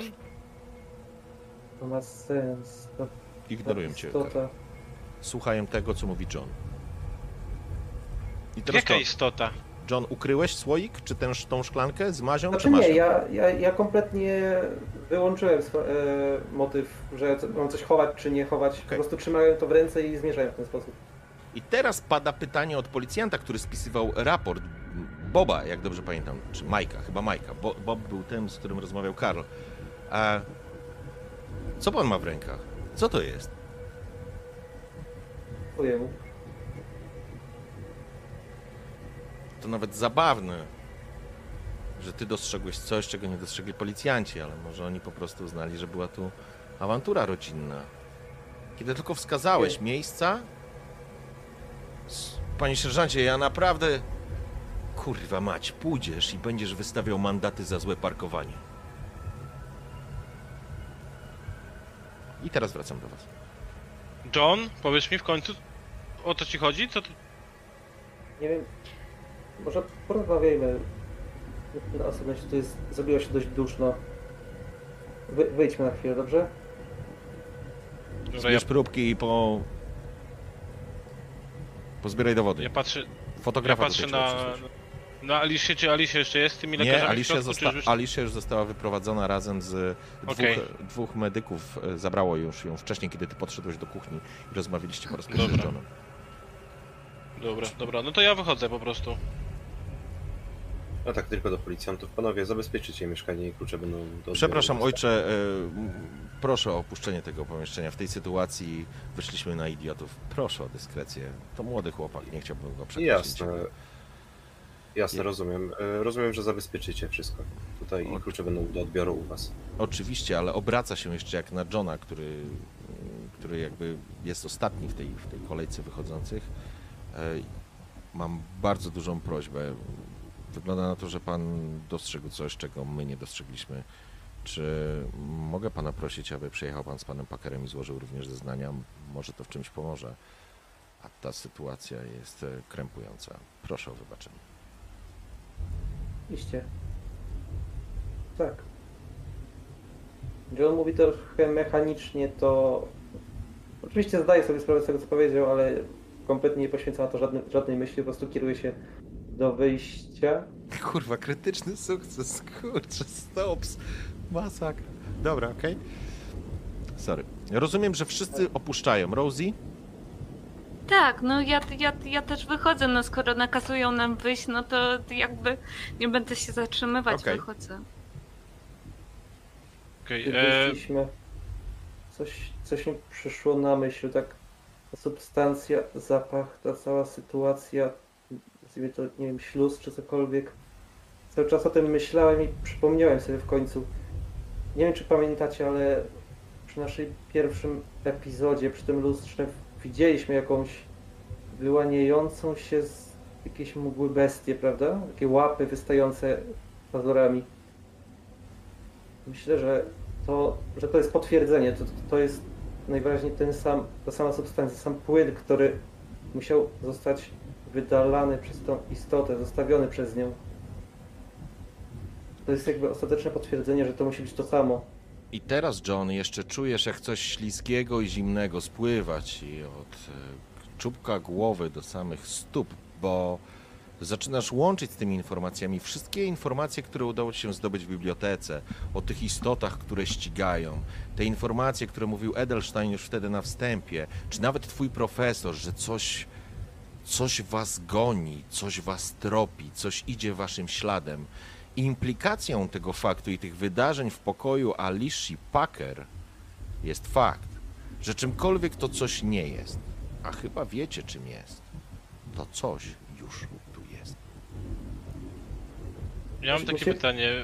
Jak ja w końcu pojechałem po tą broń, nie? No masz trzy pistolety chyba w bagażniku czy coś. No właśnie, właśnie. Więc jak podchodzimy tylko do samochodu, bo w- jak wyszliśmy, to rozumiem, że idziemy od razu do auta, tak? My chyba nie stoimy tam na korytarzu i nie gadamy. Czy gadamy na korytarzu? Na zewnątrz Nie deszcz wiem. pada, więc albo rozmawiacie na klatce schodowej, co raczej jest absurdalne, biorąc pod uwagę, że to są policjanci, e, więc zakładam, że raczej ruszacie do samochodu, żeby tam pogadać. Tak, Właśnie, no tak kierujemy tylko dotarliśmy- się tam.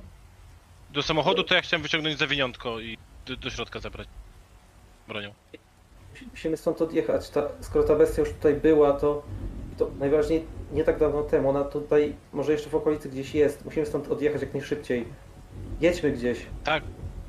Y, d- Dobra, jak siedliśmy do auta, wszyscy wsiedli, to ja rozdaję broń. Po prostu. Nie pytam nic ten, tylko daję najpierw księdzu, potem Johnowi, potem e, Rosie i pytam Johna, gdzie? Gdziekolwiek, byle jak najdalej stąd.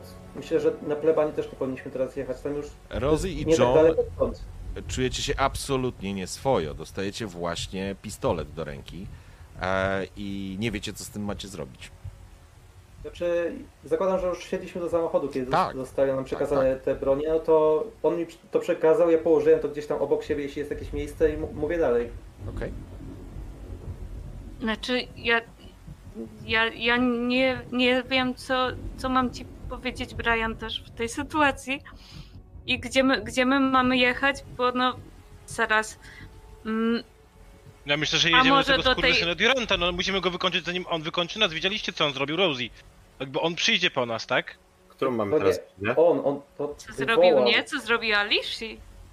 Jak to wywołał, to może to chyba odwołać, prawda? Jest Mamy tu czekać i, pierwsza aż to przyjdzie? Takie mieliśmy myśli wcześniej, ale cały czas czekamy na do, dokładniejsze informacje. Jeśli on mo, może, nie może to odwołać, ale równie dobrze może przywołać tą bestię do siebie, możemy wejść po prostu w paszczę te, tego niebezpieczeństwa. Na razie. To tak co jak uważasz, powinniśmy teraz zrobić? Powinniśmy odjechać stąd jak najszybciej, porozmawiajmy w drodze. Po prostu jedźmy gdzieś. Nie, nie Tak, jedźmy, miejscu. jedźmy do tego Żyda. Mówili, że mieliśmy przyjechać jutro. Przyjedziemy dzisiaj, pomożemy mu szukać najwyżej. Jedziemy do, do Jacoba. Okej. Dobra, to zawracam, bo już gdzieś jechałem, ale zawracam w takim razie z pitkiem opon i ruszam w stronę antykwariatu. w porządku. Jak znalazłem te ślady, wcześniej wspomniałem, że ta bestia mogła uciec tej spiżarni, przy tej kuchence. Chciałbym to zweryfikować. Ona tam stamtąd weszła, wyszła przy oknie. Tylko pytanie, czy to okno jest skierowane w, w kierunku plebanii, czy nie? Tak e, patrząc e, z geograficznego punktu widzenia. To ma jakiś związek. Wiesz co? Myślę, że okno wychodzi na południe, a plebania byłaby od miejsca zamieszkania Alicia Packer na zachód. Dobra, czyli to raczej nie ma powiązania. No, jakby nie widzisz No, żadnego po prostu ja, związku. ja, ja nie widzę związku, po prostu Mhm. uświadomiłem to sobie, że to jest e, całkowicie błędny trop i nie poświęcam mu więcej uwagi. Okej. Tymczasem Brian wykręcił i z piskiem opon ruszył w kierunku antykwariatu Jakoba Edelsteina.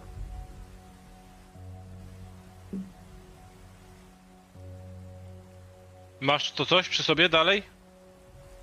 Tą paczkę, E, ten śluz? Jeśli mnie policjanci nie zabrali, to mam. Ja myślę, że skompromitowani policjanci, e, Bob, sierżant, był na tyle e, jakby skonfundowany całą sytuacją, że miałeś. Wiesz co? Rzuć na szczęście.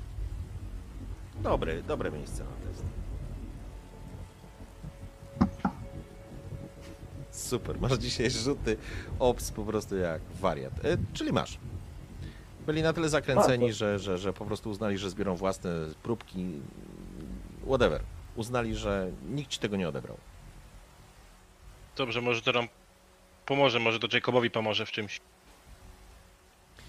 Zatrzymujecie się po jakichś 20 minutach, no może szybciej, sorry, po, po, po 10 minutach podjeżdżacie pod e, French Hill i zatrzymujecie się przy starej uliczce, na starej uliczce handlowej, na której już byliście.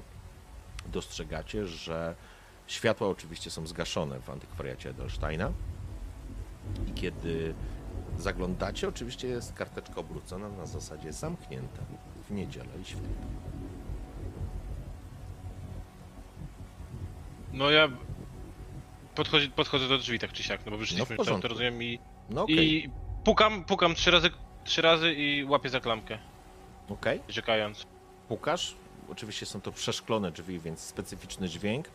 Uderzenie jedno, drugie, trzecie. Za, zadrżały troszeczkę e, żaluzje. Chwytasz za klamkę, klamka jest zamknięta, antykwariat jest zamknięty. Nie dostrzegasz żadnego ruchu w środku. Wołam, panie Edelstein? Jakieś światło widać u góry w mieszkaniu? Nie.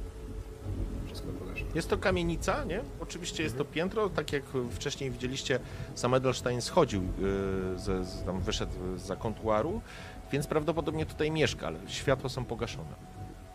Przykładam ucho i nasłuchuję W porządku. Widzicie, to do, do, do, do szyby. Nic. Po chwili nie, absolutnie nic nie usłyszałeś, ni niepokojącego, ani jakiegokolwiek innego. Po prostu jest to Mhm. zamknięte i prawdopodobnie go tutaj nie ma, bo pewnie usłyszał. Która to godzina? Dziewiąta, tak? Takiego. Teraz jest w pół do dziesiątej. Pukam jeszcze raz. Tego, tego Noe, Noe, tak? No, tego, Ten ptaszek tego tak ptaka, nazywał się Noe, Tak. tak. tak, tego ptaka też nie bylibyśmy w stanie usłyszeć. Jak... No nie, bo był wypchany, więc ciężko. No, Dokładnie. niby wypchany, ale tam specjalny jednak. E, nie, nie, słuchajcie, absolutnie, to był wypchany ptaszek, więc jakbyś go usłyszała, to byś raz i chyba oszalała. To jeszcze nie oszalałam? Nie, bo to widział tylko Karla, ale nie podzielił się tą, e, tą informacją z wami. No bo sam uważał, że było Karl strony czy Packer? Któryś z was był ostatni rozmawiał? Karl, Karol, chyba na końcu Karol. rozmawiał, tak. Karol I, i ty Spiskował Karl, tak, z, ze starym Żydem. tak, miałeś taki Karl świadomość, że takie wrażenie, że ten ptaszek gdzieś tam latał. W każdym razie, no jest późno, z drugiej strony go tutaj nie ma prawdopodobnie, bo usłyszał, może jako starszy pan po prostu szybciej kładzie się spać, a może go nie ma w domu. Nie wiecie tego.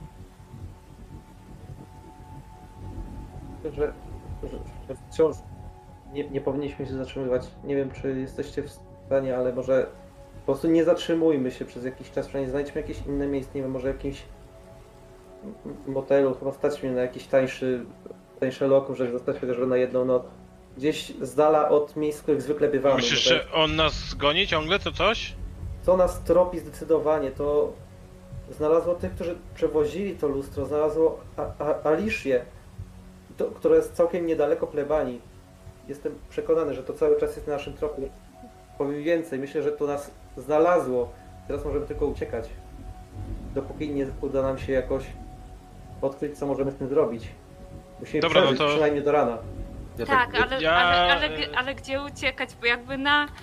John, bo jakby na terenie na przykład Uniwersytetu E. Miskatonic, no to tam, ta, tam byliśmy. E, pewnie w mojej okolicy też może się coś pojawić, bo, bo, bo jak wspomniał profesor Charles, to, to jestem wyjątkowa, więc tam też mnie może ścigać. Brianna też może ścigać. Się Mackenzie E. wiadomo, więc, więc gdzie proponujecie się udać? E, Ja ten, ja ogólnie. Brian kiedyś tam troszeczkę się bawił zamkami. Nie jest tym jakiś dobry, ale y, próbuje otworzyć zamek. Ma przy sobie jakiś wytrych. Zawsze koleś. Do tych wariatów chce otworzyć drzwi. Okej, w porządku. Dobrze. Dostrzegacie w takim razie, yy, bo po prostu pada deszcz, więc e, albo stoicie pod budynkiem, pod jakimś, w jakiejś klatce, a, albo zostaliście w aucie. No ale Brian ewidentnie, y, że tak powiem, nie udało mu się dobić do starego Jacoba, Jakoba, przepraszam, i, i teraz zaczyna coś majstrować przy zamku. Co? Brian, będę chciał, żebyś rzucił sobie na szczęście. No, a na szczęście. Nie, Okej. na ślusarstwo bardzo dobry wynik widzę, a teraz jeszcze na szczęście. Na ślusarstwo najlepszy wynik. Na szczęście. To, które obniżyłem przed chwilą, no to nie, nie ma znaczenia. No, piękny rzut. Szczęście, w porządku.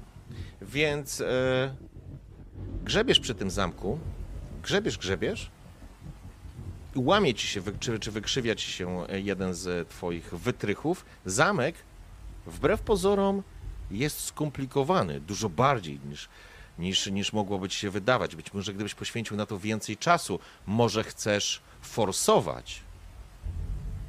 Bo A jakie są konsekwencje? jeżeli sforsujesz, to na pewno Może chcesz psówkę do włosów to ode mnie? połamiesz na pewno i zniszczysz sobie swoje e, wytrychy. Po prostu je zniszczysz No i będziesz musiał je e, odzyskać. I druga rzecz, będziesz e, zajmie ci tu dużo więcej czasu. Jak tam w ogóle z ludźmi w okolicy? Czy tam się ktoś kręci bardziej? Mój drogi. Teraz e, podejmij decyzję, co robisz, bo już na szczęście rzuciłeś. Eee, to nie, to... Yy, znaczy, du, dużo więcej czasu, rozumiem, że tam paręnaście, parę minut musiał być... Musiałbyś To nie, to na posiedzieć i, i Nie, no to nie na nic takiego się Brian nie pisze, nie, nie, nie. Dobrze, w porządku. I to jest ten moment, kiedy ty, wiesz, e, wyciągasz te taki poirytowany, one się po prostu wygięły, faktycznie potrzebowałbyś więcej czasu.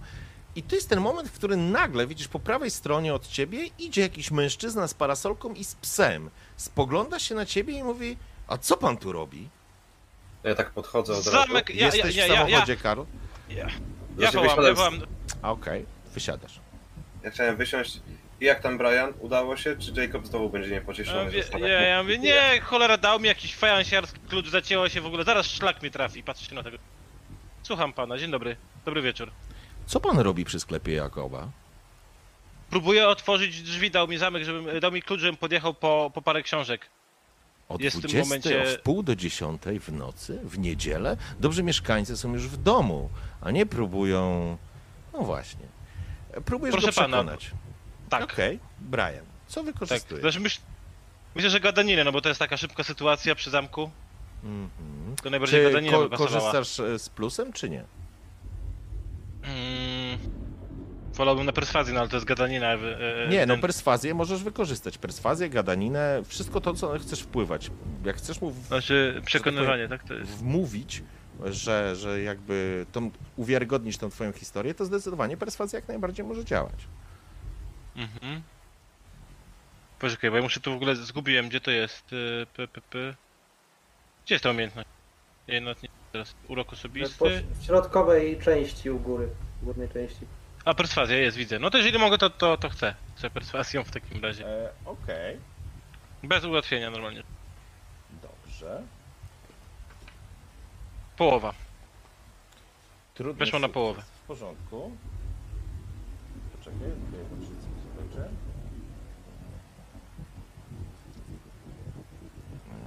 Okej, sekunda.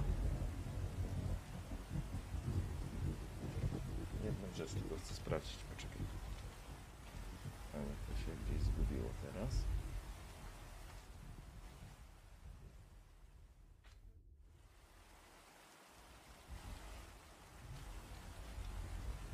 Dobra, nie będę tego przedłużał, bo nie mogę teraz tego znaleźć. Ale... W porządku, trudny sukces. Okej. Mężczyzna lekko mruży oczy, jakby starał się w ogóle wysłuchać, o czym e, do niego mówisz. Potem jeszcze zobaczył księdza, który jakby podszedł do ciebie. E, To dziwne, bo Jakoba nie ma. Wyjechał wczoraj wieczorem i ma dopiero jutro przyjechać. Tak, no i właśnie w międzyczasie wysłał nas, żebyśmy tutaj podjechali, bo może sam wrócić do domu. Mamy wziąć dwie książki, przywieźć mu. No cóż. E, proszę w takim razie o wybaczenie, ale to wyglądało faktycznie dosyć dziwnie. Nie, nie, bardzo, bardzo dziękujemy w imieniu Jakuba, że tak pan się... My Przyjmuję. nie, mniej wyrozumiali mieszkańcy mogliby poinformować władze, że ktoś próbuje się włamać, więc e, raczej lepiej będzie to wyglądać, jeżeli panowie wrócą tu jutro, w świetle dnia. No, Jak- Dobrej nocy, poprawia swój melonik, bierze, pociąga małego pieska za na smycze i rusza dalej. Brian klnie pod nosem. Miał plan już, jak już tam wyciągał te wytrychy, chciał po prostu się rozejrzeć i stłuc szybkę dyskretnie, ale teraz trochę niezbyt dobry pomysł w momencie, gdy nas widział gości i jeszcze widział charakterystycznego jak ksiądz. Jesteście, tak, czuję, że jesteś w ogóle coraz bardziej mokry i przemoczony przez e, padający deszcz. Rosie i John są w samochodzie. Tam już po prostu krople deszczu odbijają się od dach i szyby. Jak kopię w te drzwi, odchodzę. Klnąc. Karl, jesteś obok. Ja też udaję się do samochodu. Okej, wracacie do samochodu. Brian wściekły jak osa wsiada do środka, jest mokry, przemoczony. Obok niego stoi Karol, wsiada również Karol, który jest e, jakby również już mokry, ale, ale jest oazą spokoju. Dokąd teraz, kochani? Słuchajcie, proponowałbym może pojechać pod dom Duranta, poobserwować co tam się dzieje. Skoro i tak chcemy mu złożyć wizytę, warto by było zobaczyć jak mieszka. Co wy na to? Nie musimy wysiadać, wystarczy odjechać, popatrzeć. Taki rekonesans mały. Brian rusza od razu. W porządku. Nie odzywa się. Rosie, Jo- Rosie John? Tak jak wspomniałem, najlepiej, przynajmniej tak myślę, że było, gdybyśmy po prostu się nie zatrzymywali. Jak najmniej postojów robili. Więc przejechanie tam i obserwowanie w ten sposób oczywiście, tylko żebyśmy tam nie zostawali powiedzmy na całą noc, czy coś w tym stylu. Mhm. Nie mam na to żadnych dowodów, ale myślę, że tak jest bezpieczniej. W porządku. Czyli co, Brian rusza i to akurat nie jest daleko stąd, bo jesteście u podnóża French Hill, więc wjeżdżasz po prostu e, tą uliczką Brian do głównej arterii miasta i ruszasz w kierunku French Hill. Właściwie wjeżdżasz na, ten, na to wzgórze. Po chwili oczywiście okolica robi się coraz bardziej majętna. Tutaj najmajętniejsi mieszkańcy Arkham mają swój dom. Brian, czujesz taki rosnącą gulę w gardle, bo niedaleko stąd jest również dom twoich rodziców. Oni najprawdopodobniej nie wiedzą jeszcze, albo już się dowiedzieli. Przejeżdżasz przez kilka alejek i ty oczywiście doskonale wiesz, gdzie znajduje się rezydencja państwa Durant. Nie sposób jej nie zauważyć. Y, Widzicie tylko jak ręce Briana bieleją od zaciskania na kierownicy. Po paru Brian, minutach Spokojnie. Okej, po paru minutach dojeżdżasz, dojeżdżacie do potężnej posiadłości, otoczonej murem, wielką bramą. Oczywiście na złotej tabliczce jest pięknie wygrawerowane nazwisko Durant.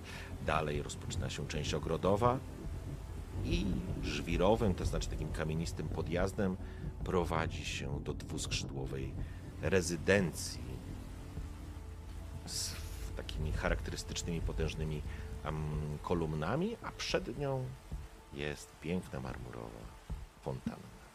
Oczywiście jest ciemno, a niewielkie alejki oświetlone są małymi latarenkami. No przeurocze miejsce, Tam jest jakaś brama? to oczywiście. Ja wysiadam z auta. Podchodzę pod bramę. Chcę zobaczyć, czy brama jest otwarta. Idę od razu za nim. Słuchajcie, widzicie Brian, spokój ducha Briana, pomimo tego, że jego twarz jest e, kamiennie, że tak powiem, kamienna i nie ujawnia żadnych, żadnych emocji, to dostrzegacie, że jego działania są coraz bardziej nerwowe. I John, ty to widzisz, że on po prostu e, wszedł w taki trans, nie? Działania. Cokolwiek to znaczy. Ale natychmiast to chyba Mackenzie ojciec również zauważył, bo kiedy tylko Brian bez słowa po prostu otworzył drzwi i wyszedł z samochodu, Mackenzie natychmiast chwycił za klamkę i również ją otworzył. Oczywiście cały czas pada deszcz. I słychać Idę tak. tam burza. Koło Briana. Co masz na celu? Po cichu, żeby nie krzyczeć. Normalna rozmowa, nie? Pytanie tylko do Rosie i Johna, czy, przepraszam, czy wy zostajecie w samochodzie, czy idziecie tam? Co robicie?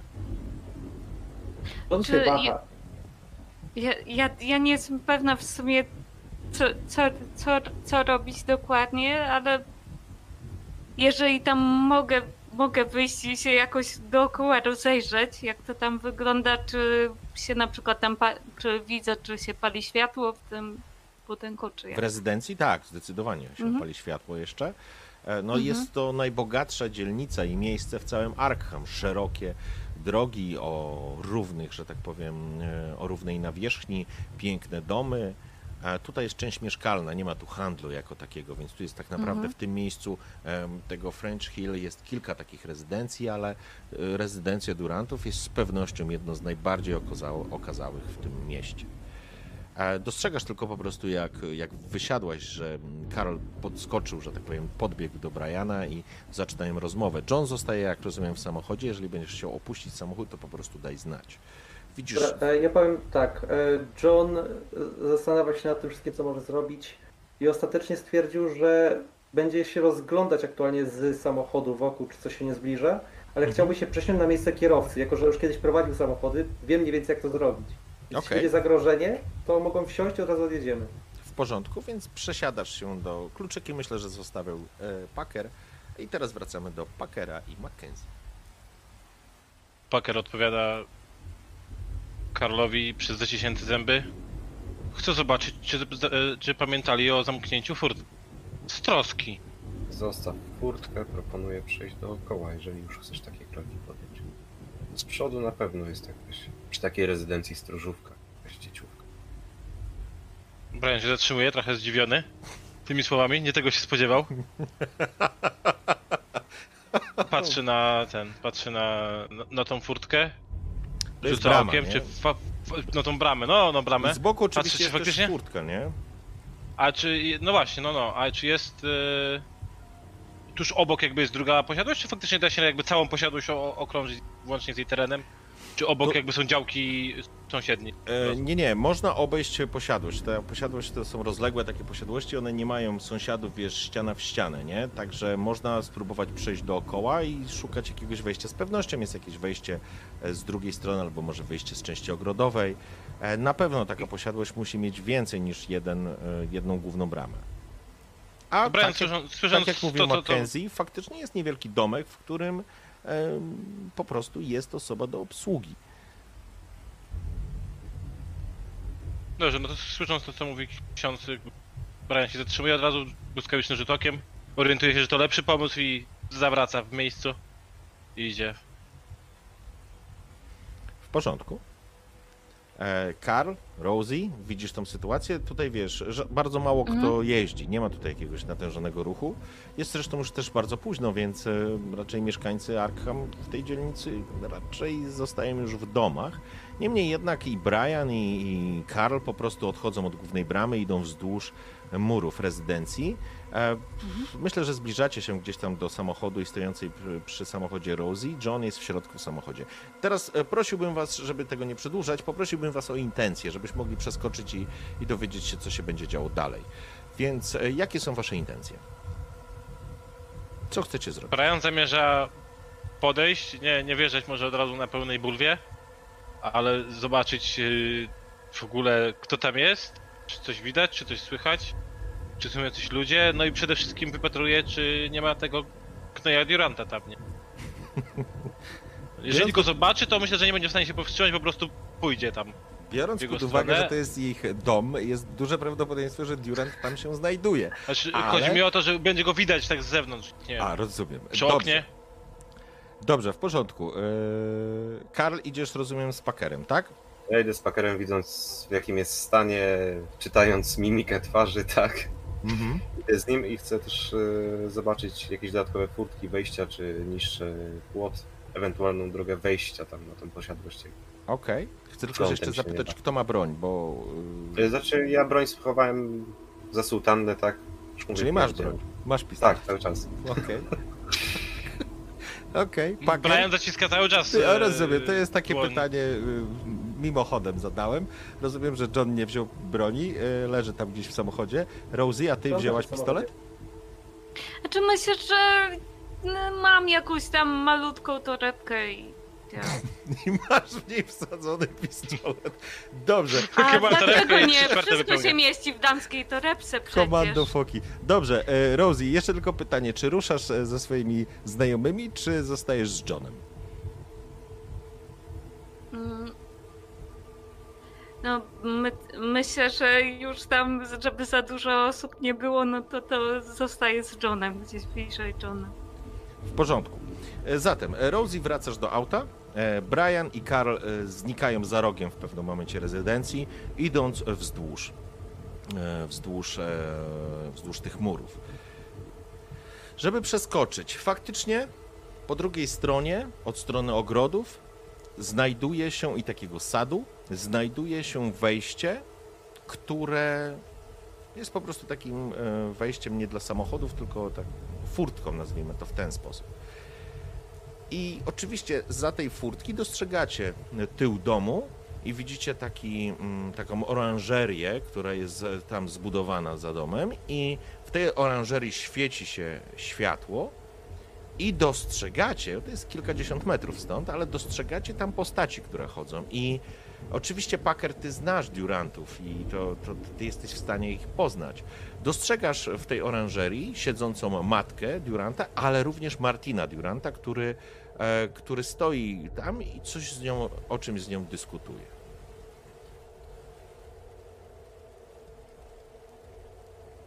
Stoicie przy furtce, przypominam. Jeżeli e, Rosie oraz John będziecie chcieli coś zadeklarować, po prostu mówcie, ok? Bo póki co ja zakładam, że jesteście w samochodzie. Ja się rozejrzeć, czy są tam jakieś drzwi tylne, nie wiem, od kuchni albo coś. Musiałbyś wejść na teren posiadłości, żeby poszukać e, czegoś takiego. Z tego punktu widzenia, to znaczy, słuchaj, no ty też jesteś, że tak powiem, z rodziny, która ma posiadłość, może nie aż tak e, rozległą i tak bogatą, ale doskonale zdajesz sobie sprawę, że do takiego budynku jest przynajmniej kilka wejść, a wejście kuchenne jest oczywiste. No właśnie. Więc Chciałbym- oto oranżeria na 100% ma wyjście na ogród i pewnie można z salonu wyjść na taras i tarasem również wejść na część ogrodową, więc tych wejść jest na pewno sporo. Tylko oczywiście musiałbyś wejść na teren e, posiadłości najpierw. Myślałem, że już weszliśmy na teren posiadłości. Nie. No, robię to. Aha, Znaczy ja go, ja go tak łapię od razu tak Jak wiesz, widzę, łapiesz że- za klamkę Tak. i czujesz ra na ramieniu e, rękę i tak go przyciągam do siebie. Poczekaj. Czy my jesteśmy w stanie usłyszeć rozmowę? Nie, absolutnie nie. W ro- ogrodzie? To jest oranżeria, czyli przeszklona, przeszklona taka jakby, Mhm. nazwijmy to, to jest taka jakby, jak to nazwać, Taki szklarnia. o- ogród letni. Tak, tak, tak, dokładnie, zimowy, dokładnie zimowy, nie Nie, letni. zimowy, sorry. Czyli tam są faktycznie egzotyczne jakieś e, rośliny, e, które po prostu potrzebują ciepła i wilgoci i, i one są zamknięte przed chłodnym, e, chłodną atmosferą, wiesz, chłodnym klimatem e, Nowej Tak. Chcę zobaczyć, którędy możemy wejść do niego. tak, Po coś tu przyjechaliśmy, tak? Do, do Briana też. Może się rozejrzymy. Najpierw nasłuchamy. Nasłuchujemy. To ba- nie kręci. ja właśnie chcę to zrobić. Co możemy się rozejrzeć za murem? Z mur, tak? Czy to jest... Nie, no jest mur i w, w murze jest po prostu No. wejście, ta furtka, nie? Więc e, furtka No mówię, no, no mówię, z, prostu- z, za muru za dużo nie widzicie. zobaczymy. Tak, przez furtkę, po prostu furtka to jest furtka ze szczebelków, z, z metalu. E, Jest zamek oczywiście, może jest otwarta, może będziecie mieli szczęście. Jeżeli nie, trzeba będzie się, że tak powiem, włamać do środka.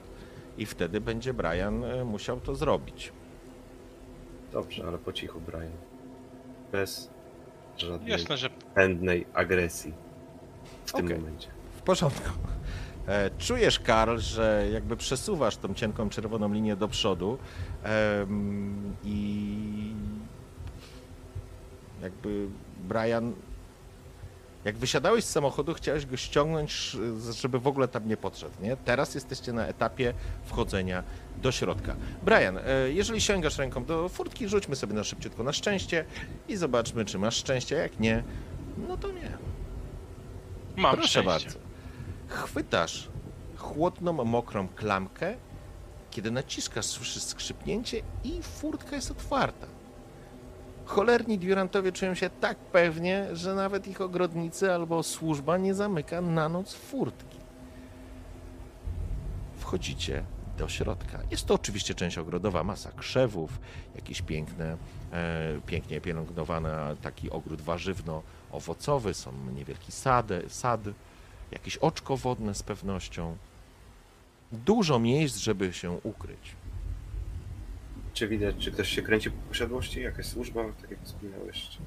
Nie, w, w tym momencie przynajmniej stąd nie dostrzegasz nikogo, kto by chodził, wiesz, pada deszcz, jest już późno, więc raczej, raczej e, służba jest już e, też w swoich domkach, nie, w swoich kwaterach. No ja się Może staram znaleźć którzy są. Dobrze, dokąd chcesz wejść? Do głównego budynku, do oranżerii? No chcę wejść, y, szukam wejścia do głównego budynku, jak najszybciej, żeby było, ale takie boczne jakieś, tak, które mogłyby być otwarte. W porządku. E, przeszklone szyby z tarasem, e, z pięknym e, takim wypoczynkiem, teraz um, ukrytym pod, pod dużym parasolem i możesz spróbować wejść w tamtą stronę, ale to oznacza już wejście do budynku. Dobrze, no, znaczy, no ja nie chcę jeszcze wejść do budynku, tylko chcę zobaczyć, czy są Najbliższe drzwi. miejsce, najbliższe miejsce jest to, to jest wejście, to jest Mhm. boczna część budynku, ewentualnie wchodzenie przez oranżerię, ale w tym momencie dalej w oranżerii widzicie e, te dwie postacie. Postacie, przepraszam. To są, to są drzwi jakieś mocne? Nie, piękne przeszklone drzwi na taras. To nie są A, przeszklone, przeszklone. Tak. sorry. One są, Dobra, wiesz, dobra. z, w, takie mm, klasyczną szachownicę jakby, ale oczywiście przeszkloną, więc one prawdopodobnie Tyle- mają tyle jakiś zamek, ale to nie jest nic, co by, wiesz, było dla ciebie jakimś problemem. Ewentualnie może są po prostu otwarte. Tak, tak, no ale myślę, że nie, nie będę ryzykował, żeby teraz podchodzić, jeszcze próbować drzwi otworzyć. Zresztą Okej? nie planuję tam teraz bijać ten, jeszcze nic nie wiemy, e, chociaż strasznie kusi to Briana, żeby spróbować, e, ale że dobra to. E, My to- mniej więcej może, którędy możemy wejść, w razie czego nawet jeżeli będą zamknięte, to możemy je sforcować po prostu, tak? Możecie je sforsować. I to jest ten moment, kiedy wrócę na chwileczkę do samochodu zaparkowanego przed rezydencją. E, Rosie oraz John minęło jakieś 10 minut. Oni nie wracają. Mm. John, jest jakaś cisza, więc no przypuszczam, że jakbyśmy mieli szybko uciekać, no to chyba byłby wystrzał i by przybiegli tutaj, prawda? Mam nadzieję, Wystrzał że od razu. tak by było. Nie wiem, nie ma już ich dłuższy czas. No John, właśnie. wystrzał w rezydencji Durantów oznacza y, policję, wiesz, to są najbardziej Mhm. zamożni ludzie w tym mieście, nie? No, no, no, no tak. No. Masz nadzieję, że Packer nie zrobi nic takiego, nie? Z drugiej strony faktycznie nie ma ich już. Więc Kolejne nie wiem, 10 minut. Nie ma, po, jeśli oni pójść, nawet, pójść, tam, pójść tam do nich. czy jeśli oni starają się, załóżmy, wejść do środka, czy cokolwiek z tych rzeczy, Mhm. to im więcej będzie tam osób, tym trudniej będzie się ukryć, więc jeśli tam pójdziemy, możemy przeszkodzić w tym momencie, nie wiedząc, co oni właściwie robią. Właśnie. Myślę, że w Okej. tym momencie to, co robimy, jest najrozsądniejsze. Jakby pilnujemy drogi odwrotu. Coś Może Ja- ucieczki. Mhm. Ja podchodzę do... Bo rozumiem, czy nie, my jesteśmy cały czas obok siebie, tak? Z, z księdzem. No zakładam, że tak. No to mówiąc najciszej jak potrafię, pokazuję tylko na drzwi i mówię, że tamtędy będziemy mogli wejść. Czy jest otwarte, czy nie, otworzymy sobie. Takie pytanie, czy ta oranżeria ma jakieś okienko uchylone, cokolwiek? Wiesz co, na pewno są jakieś lufciki u, wiesz, uchylone. Na 100%. Bo jednak Brian. musi tam troszeczkę pracować to powietrze. A może podejdziemy jak najbliżej się da i posłuchamy o czym rozmawiają zamiast wchodzić od razu. Przecież to jest wysunięty teren. Okna muszą być pootwierane. W taką pogodę jak teraz to zwłaszcza. Jest tam coś... Yy, przy tej oranżerii mówię, że tam jest jakaś roślinność, tak? Czyli to nie będzie tak, że Tak. będziemy na otwartym polu. Oczywiście. Możemy się ukryć w miarę, no. To znaczy, Dobrze, oczywiście. spróbujemy podejść. Możecie tak, możecie spróbować to zrobić, nie? I, i rzecz jasna, em, mimo wszystko musicie mieć pełną świadomość, że mimo wszystko narażacie się na to, że jeżeli będziecie próbowali się skradać, e, to ktoś może was przypadkowo zauważyć. To tylko, to musicie mieć tego pełną świadomość. No dobrze, no. Ja próbuję. No ja też idę. Dobrze, w takim razie wskradacie się obaj. Mhm. Który z was ma niższy poziom skradania? chyba ukrywanie. Tak, no to ukrywanie. Ja mam 45. Karl? Już... Karol, dałeś cokolwiek? Czekaj, Pewnie czekaj. 20 bazowe. Ukrywanie 20. Dobrze, czyli Karl będziesz rzucał. Jedna piąta. Tak, ninja, Ja dobrze. What the fuck? Równo weszło. Ja, ja z wami nie gram. To jest druga sesja, gdzie wy macie tylko ekstremalne sukcesy No, albo no, no, jakieś... nad nim to Bóg czuwa, to jest ksiądz. To jest, jakaś, to jest jakaś masakra w ogóle, kurczę. No dobrze. Ninja na... Słuchaj, jest wieczór, ninja na czarno, tak. E, w porządku. Dokładnie. W porządku. Tylko taki Dobrze. biały kwadracik unoszący się Mhm. W powietrzu. Teraz zniknął. Widzisz, jak Karol znika. E, dobrze, w każdym razie, w takim razie, słuchajcie, idziecie, idziecie wzdłuż e, alejek, wzdłuż e, roślinności, tak, żeby cały czas się ukryć. E, tak naprawdę Ja przed idę za wzrokiem. księdzem, widzę, że tak bardzo Tak, naturalnie mu to wychodzi. Zastanawiam się, gdzie się tego nauczył w ogóle. To tak... znaczy, wiesz co, oczywiście... Przed, biskup... Przed biskupem się chowałem w seminarium, wiesz. Ef efekt jest taki, że oczywiście e, bałeś się, że księżulo sobie nie poradzi, ale idzie bardzo dobrze mu. Tak, na początku ja chciałem prowadzić, potem widzę, że Dobrze mu Okej. idzie po prostu. Może jest Tak. faktycznie opatrzność boska nam czuwa, jak mówiła Rosie. E, Tego się pilnujmy, e, trzymajmy. W każdym razie e, do, podchodzicie niezauważeni do oranżerii.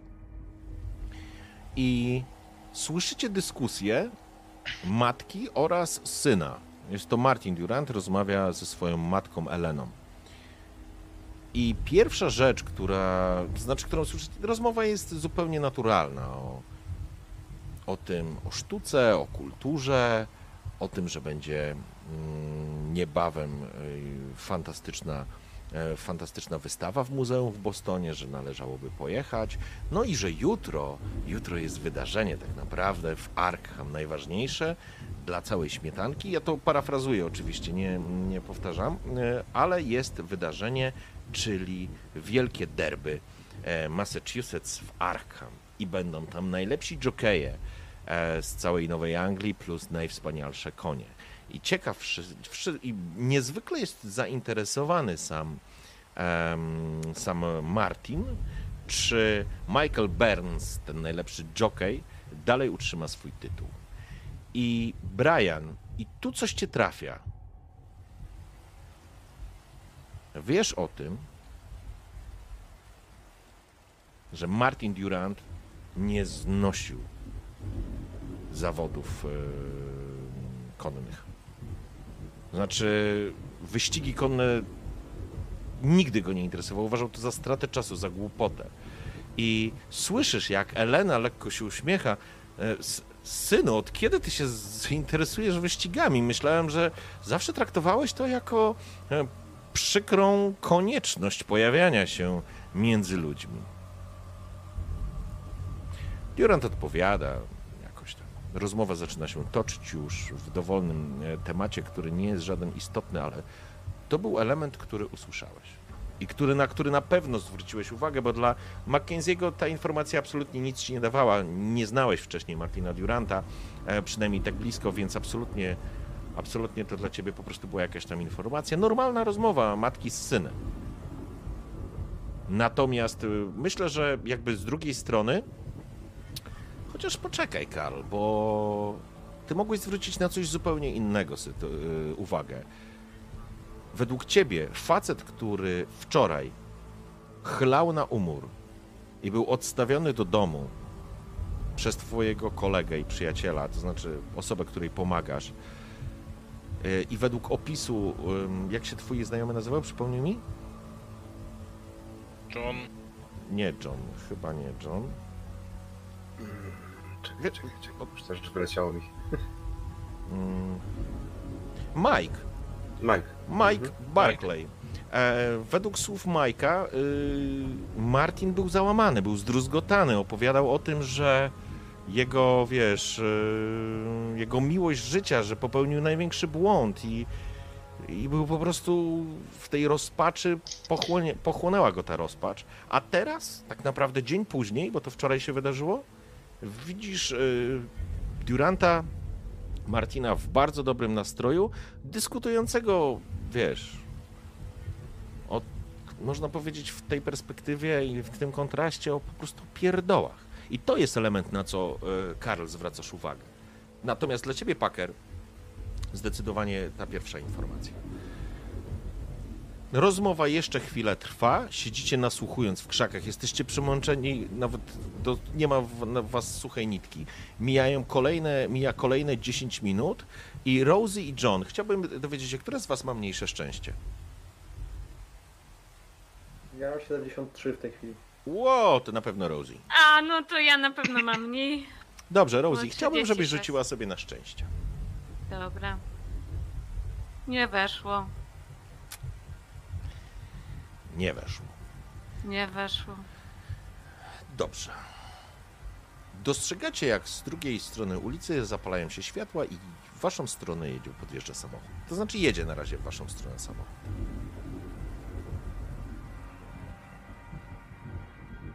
Zbliża się.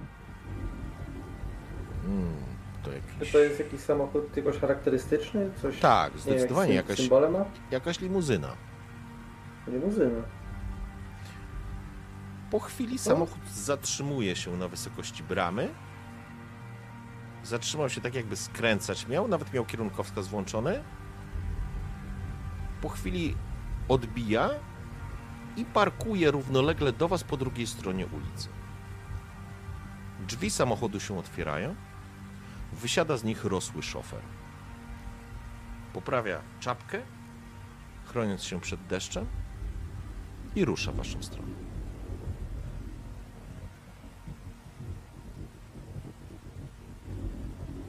Puka w szybę.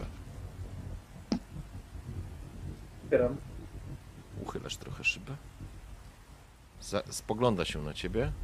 Co tutaj robicie? Aktualnie skry- skrywamy się przed deszczem, siedząc w samochodzie i czekając. Bardzo interesujące Coś się miejsce stało? na ucieczkę przed deszczem. Znaczy, no, my obawiamy się jechać po takich, takich z- przemoczonych ulicach, żeby nie spowodować wypadku, więc chcemy trochę przeczekać, jak poprawi się pogoda. Spoglądać faktycznie na tej ulicy jesteście jedynym samochodem, który tu stoi w ogóle na ulicy, bo to są, jest część rezydencji, więc wszystkie samochody, jeżeli są, to są poparkowane w środku. To wyjeżdżajcie stąd. Nie chcę was tu widzieć. Nie można tutaj parkować? Spogląda się na ciebie. To jest French Hill. No nie jakieś meliny na przedmieściach. Wynoście się stąd. Samochód, którym jeździmy, wygląda aż tak źle? Spogląda się na ciebie, zaczyna się złośliwie uśmiechać. A nie, to pytam akurat. E, Nie, ciebie, samochód, samochód, jest, ca- samochód jest całkiem, całkiem, ale, ale jakby no, wy nie bardzo pasujecie do tego samochodu. I zresztą nie pasuje cała sytuacja. Ten samochód zaparkowany tu i w tym miejscu po prostu wzbudził e, zainteresowanie i mężczyzna po prostu się do was dopieprzył. Najnormalniej w świecie. Troskliwi.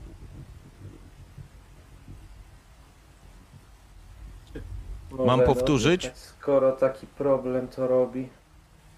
Tak, robi. Tak, to, to, to, to odjedźmy. Już Wynoście się stąd. Prze- Obraca się i rusza do samochodu. Co robicie? Jeszcze jakąś mi minutę tak przesiedzę, po czym odpalę samochód i będę powoli gdzieś.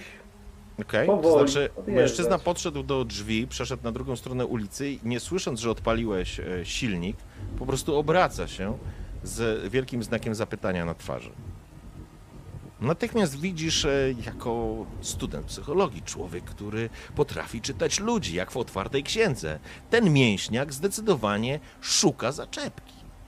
I za chwilę dacie mu bardzo, bardzo wyraźny argument do tego, żeby spełnił swoje jakby rozładował emocje przed pójściem spać. John ma już e, pewne kontakty z tego rodzaju osobnikami, więc z pewnością tym bardziej wiem o, o co może chodzić. Ale tak jak mówiłem, jeszcze minutę tak poczekał, bo zapewne chwilę zajęło mu przejść na tamtą stronę. No i odjechał powolnym, e, po, dość powoli, ale też nie odjeżdżam jakoś daleko. Raczej gdzieś w okolicy będę się kręcić. Porządku. Mm, Wiesz, mężczyzna przeszedł na drugą stronę, obrócił się, to jeszcze chwilę trwało, jakbyście przez chwilę się mierzyli wzrokiem. On aż się wyprostował już, jakby uznając, że przyjdzie z tobą porozmawiać znowu, ale to był ten moment, kiedy przekręciłeś kluczyk. Warkot silnika z opuszczanego byłby elementem, który by natychmiast rozładował tę sytuację, ale Brian również miał problem, żeby odpalić ten samochód. I słyszysz, jak silnik hechła i nie chce odpalić. Widzisz, jak natychmiast pojawia się uśmiech, wymalowuje na twarzy tego mężczyzny. On już dłużej nie będzie czekał, robi krok w waszą stronę, a ty przekręcasz znowu kluczyk, który zaczyna hechłać. Samochód nie wygląda źle, ale wy wiecie, że to nie jest wasz samochód. I kiedy mężczyzna był już mniej więcej na osi jezdni, motor zapuścił się i odpalił.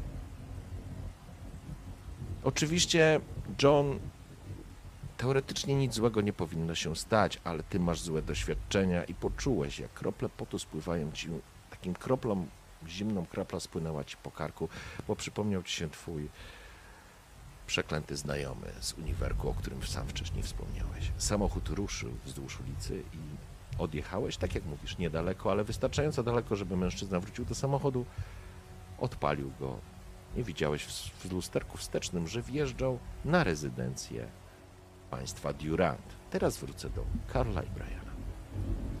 Czy my słyszymy ten silnik? Absolutnie nie. Nie? Jak on trzy razy go odpala tam? Nie w życiu, to, to jest posiadłość, a nie pipiduwa, e, wiesz. Okej. Skoro więcej rozmów nie słyszę... Nie, i to jest ten moment, jeszcze tylko dodam, że jakby oni jeszcze wymieniają się nic nieznaczącymi rzeczami, chociaż jakby to buduje tylko w tobie to przekonanie, Karl, że jakby mężczyzna albo Mike nie potrafił go odczytać, ale no kurczę, no facet był nawalony i zrozpaczony, on po pijaku mówił tak, jak mówił, więc albo jest świetnym aktorem, albo chce ukrywać to przed swoją matką, albo coś tu po prostu nie gra. E, Dla Briana zdecydowanie ta informacja była kluczowa, jakby kluczowa na zasadzie takiej, że jakby zapaliła ci się lampka kontrolna, nie do końca rozumiesz dlaczego, ale zapaliła ci się, więc albo facet zmienił swoje upodobania, ale to nie jest gość, który zmienia upodobania z dnia na dzień. Zresztą, kurczę, no, słyszałeś historię Karla i Barclaya, który opowiadał, czy zostawił, przepraszam, list, list dla Karla. E, oni w tym momencie wstają, Mężczyzna podchodzi, obejmuje matkę, to znaczy obejmuje jakby przytulając się do niej, wyciąga rękę, ona łapie go pod, pod rękę i zaczynają opuszczać oranżerię, wchodząc do, w głąb budynku. No tak tylko na Briana i też powolutku chciałbym się usuwać stąd. Okej. Co robicie? Czy wracacie? Ja No pe- ja patrzę na... No ojca już miałem, chciałem coś powiedzieć, ale pomyślałem, że może jak odejdziemy kawałek. Okej. E, Dlatego ja staram czy się... jesteśmy blisko tych drzwi? Których? Do oranżerii? Tak. Tak. No jesteście przy samej oranżerii, bo byliście, wiesz, podsłuchiwaliście tak naprawdę przy otwartych i uchylonych drz- oknach, więc absolutnie tak. No to ja chcę złapać za klamkę tylko, zobaczyć czy jest... Otwarta? Czy, czy są otwarte? Słuchaj, oranżeria jest na pewno otwarta. Jest na pewno otwarte, tak? To Na- jak, jak wiem, że jest na pewno otwarte, to nie otwieram. Nacisnę, nie, ale naciskasz klamkę, więc ja ci tylko odpowiadam. Jest lekkie skrzypnięcie, czujesz jak zamek i język się chowa, czujesz jak drzwi się uchylają. To znaczy, Dobrze, wiesz, no no nie to otwierasz delikatnie. ich, wiesz, na, na całą szerokość. No no nie, ja tylko chciałem, ja chciałem dosłownie sprawdzić, tylko czy są zamknięte. To zamykam No. je z powrotem Są i otwarte. odchodzę. Okej, w porządku. Karl, przez chwilę stanęło ci serce, nie wiesz dlaczego, ale po prostu stanęło ci serce, ale, ale Brian już e, wraca w twoją stronę. Uśmiechnięty wracam. No Okej. Ja się staram wyjść jak najszybciej stąd. Okej. Rozumiem, że opuszczacie rezydencję tą samą drogą. Tak, Tak. po cichutku jak najszybciej. W porządku, okej. E, To jest ten moment, y, zajęło wam to jeszcze dodatkowe powiedzmy 10 czy 15 minut. John natomiast zaparkowałeś z drugiej strony ulicy, tam troszeczkę dalej, jakby zostawi, ustawi, ustawiwszy samochód tak, żebyś widział z przodu rezydencję, ale już nie stał jakby vis-a-vis tej bramy. Myślę, że po jakichś dodatkowych 15 minutach, kiedy już nerwowo zaczęliście y, spoglądać na siebie, wymieniać sobie nerwowe uwagi, zauważyliście w, wśród latarni, że wychodzą dwie postaci i już pomijam. Auta po prostu nie dostrzegacie na miejscu, ale dostrzegliście dalej stojące auto Packera i ruszyliście w waszą stronę. Jest, słuchajcie, godzina 10, po 10 już myślę, kiedy wsiadacie do samochodu.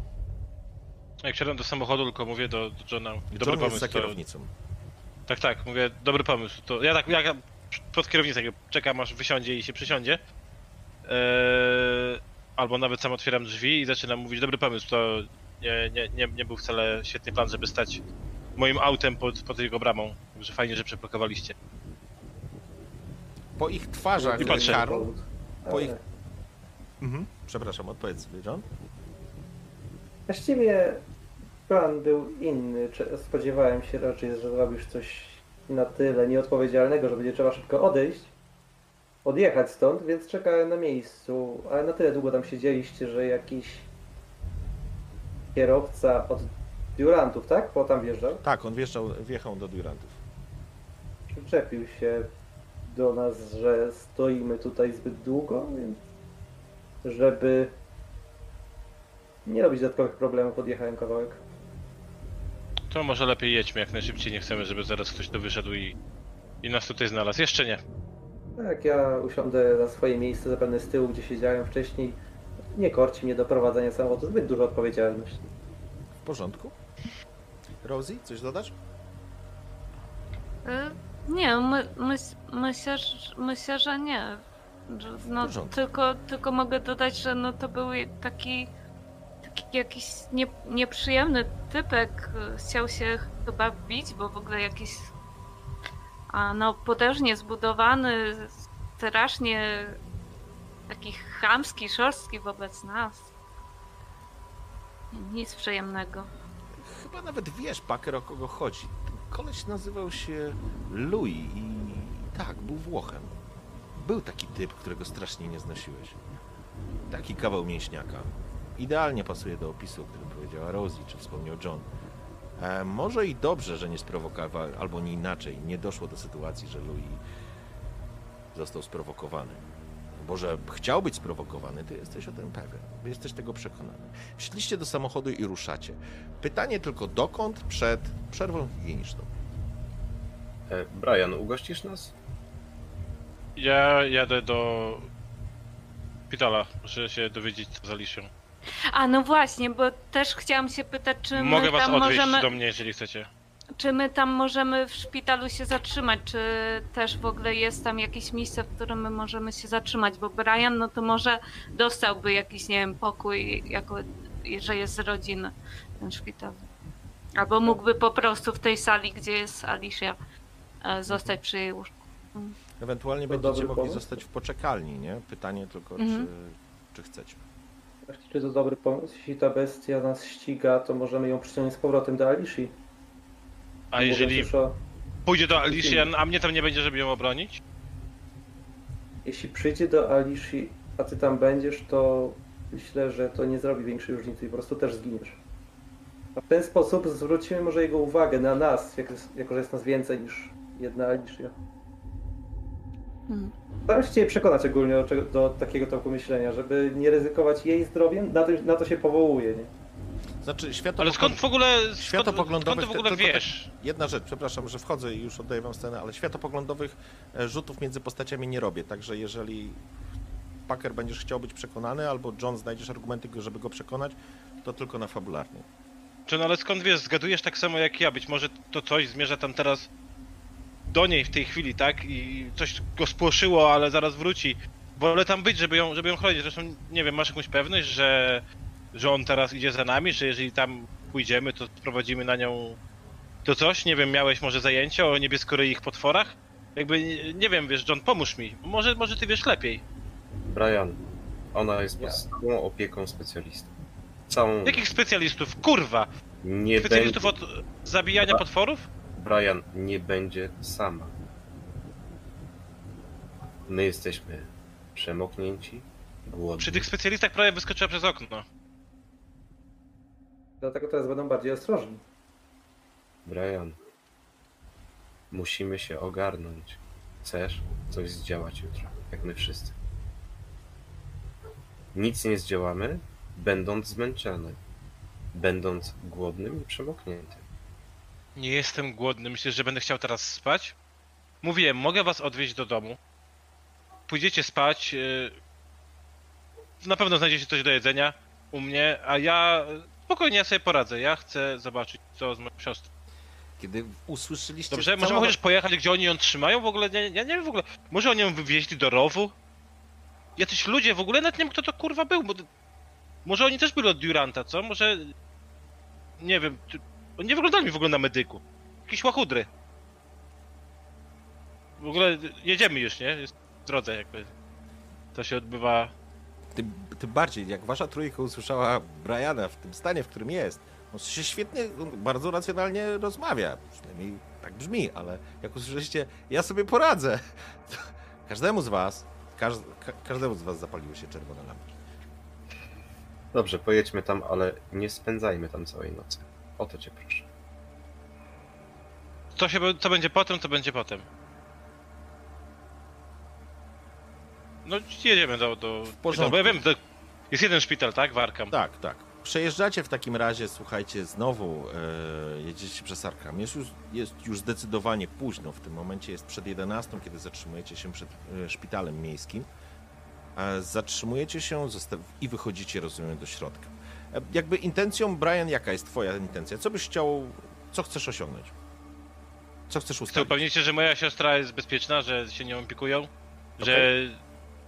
No nie wiem, no uspokoić się trochę, na pewno, zobaczyć ją W porządku. przede wszystkim. Okej. E, Żeby przeskoczyć, spotykasz się, to znaczy jako brat, jako Brian Packer. Nie. Przerwa, 5 minut i wracamy do tej sceny. Dobrze. Może Okej. 10. Postarajmy Okej, się. do, dobra, bo jeszcze, to jeszcze przed, przed, przed tym samym chciałam coś zapytać Johna ci- po cichu. Okej. A John, John, John, czy myślisz, że skoro był ten epizod i, i ci, ci medycy widzieli, co się z nią działo, myślisz, że po prostu dali jej środki uspokajające, tak żeby spała i, z, i na wszelki wypadek może jest w kaftanie? Bezpieczeństwo. Myślisz, że może tak być? John, jako student, to ci od razu odpowiem, bo jakby sytuacja, która została, i ty masz tą wiedzę jako student, sytuacja, która jakby miała miejsce, na pewno dostała środki uspokajające, które ją e, wyłączyły. Jako osoba, która e, chciała targnąć się na życie, a na pewno sanitariusze taką informację doktorowi, e, lekarzowi prowadzącemu przekazali. E, To nie jest e, mm, szpital psychiatryczny, ale prawdopodobnie e, zostały zastosowane mm, specjalne środki bezpieczeństwa, czyli najprawdopodobniej jest przypięta pasami, nie? To nie jest e, Mm, Arkham. Asylum, do którego sposób, być może e, Alicia Mhm. trafi e, w tym stanie, w którym jest. Niemniej jednak na tą chwilę jesteś niemal przekonany, że, że, że to są środki podstawowe, no proceduralne środki bezpieczeństwa w takich sytuacjach. Dobra, dobra, to, to chciałam się dowiedzieć jeszcze. Dobra, to higieniczna. Jeżeli przekazujesz tą informację, to oczywiście Rosie ma, Tak, ma, ma myślę, że przekazu... Prze... Okej. może- może mogę Kochani, musimy zrobić teraz higieniczną przerwę, więc e, widzimy się Dobra. e, ja za, za, za powiedzmy 5 minut. Dobra? Czaty macie 5 minut dla siebie. Okej, wróciliśmy. To była taka studencka pięciominutówka, e, więc e, wracamy teraz, wracamy z powrotem. Słuchajcie, e, 23 dobija. Jesteście, tak jak powiedziałem, przed, e, przed szpitalem. Brian wchodzi. Czy wchodzicie razem z nim? Czy ktoś zostaje w samochodzie? Ja wchodzę z Brianem. Nie no, do szpitala akurat wejdę, bo to nie ma sensu zostawać sam. Okej. Rosie? Mhm, tak, tak, Okej, no ja, ja też jak najbardziej idę, bo nie wiem, czy może być tak, że nas, nas jakoś nie wpuszczą, bo powiedzą, że no tylko rodzina albo coś takiego. Nie, nie, to znaczy, wiesz, no pewnie do samej sali może być jakieś ograniczenie, ale do szpitala no, No tak. możecie wejść, nie? E, I tak No też się tak, dzieje. W, czwórkę, w czwórkę wchodzicie, jest po lewej stronie rejestracja, duża sala, e, jasno oświetlona, kilka, em, kilka ławeczek i Na tych ławkach pojedyncze osoby, naprawdę nie ma tutaj dużo osób, nawet personelu jest mało. Niemniej jednak, kiedy Brian wchodzisz i idziesz od razu w kierunku recepcji, dostrzegasz jak z jednego z korytarzy otwierają się drzwi i wychodzi twój ojciec i twoja matka z lekarzem. I to Ja jest moment, tak, i to jest moment, w którym ruszasz w ich stronę, tak odbijasz z automatu i widzicie wszyscy, jak e, rodzice Packera spoglądają na, na niego. To jest taki moment, jak w zwolnionym tempie rozpoznają go natychmiast i widzicie, jak ojciec Packera po prostu puszcza rękę e, swojej żony i rusza natychmiast na mm, spotkanie ze swoim synem ewidentnie konfrontacyjnie i to widać e, jasno. Dla Briana może, może tego nie dostrzegasz, może nie chcesz dostrzegać. I widzicie sytuację, kiedy. Jak twój ojciec ma na imię, Brian?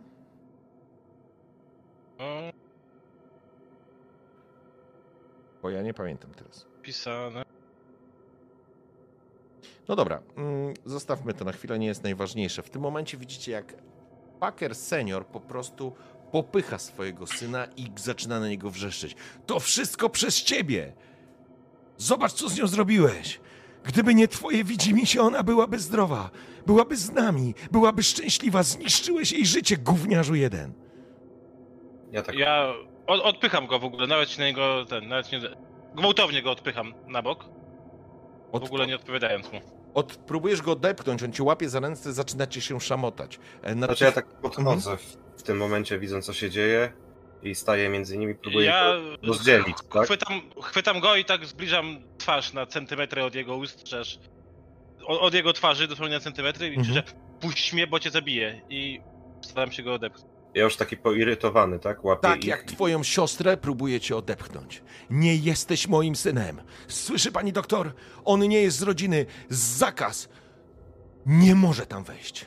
Ale widzisz, jak twoja matka próbuje coś zareagować. Zamknij się. Gdybym cię nie słuchał wcześniej, nigdy by do tego nie doszło. Pani doktor, jest zakaz. On nie jest członkiem rodziny. Rozumie pani? On nie jest członkiem rodziny. Proszę nie udostępniać mu żadnych informacji.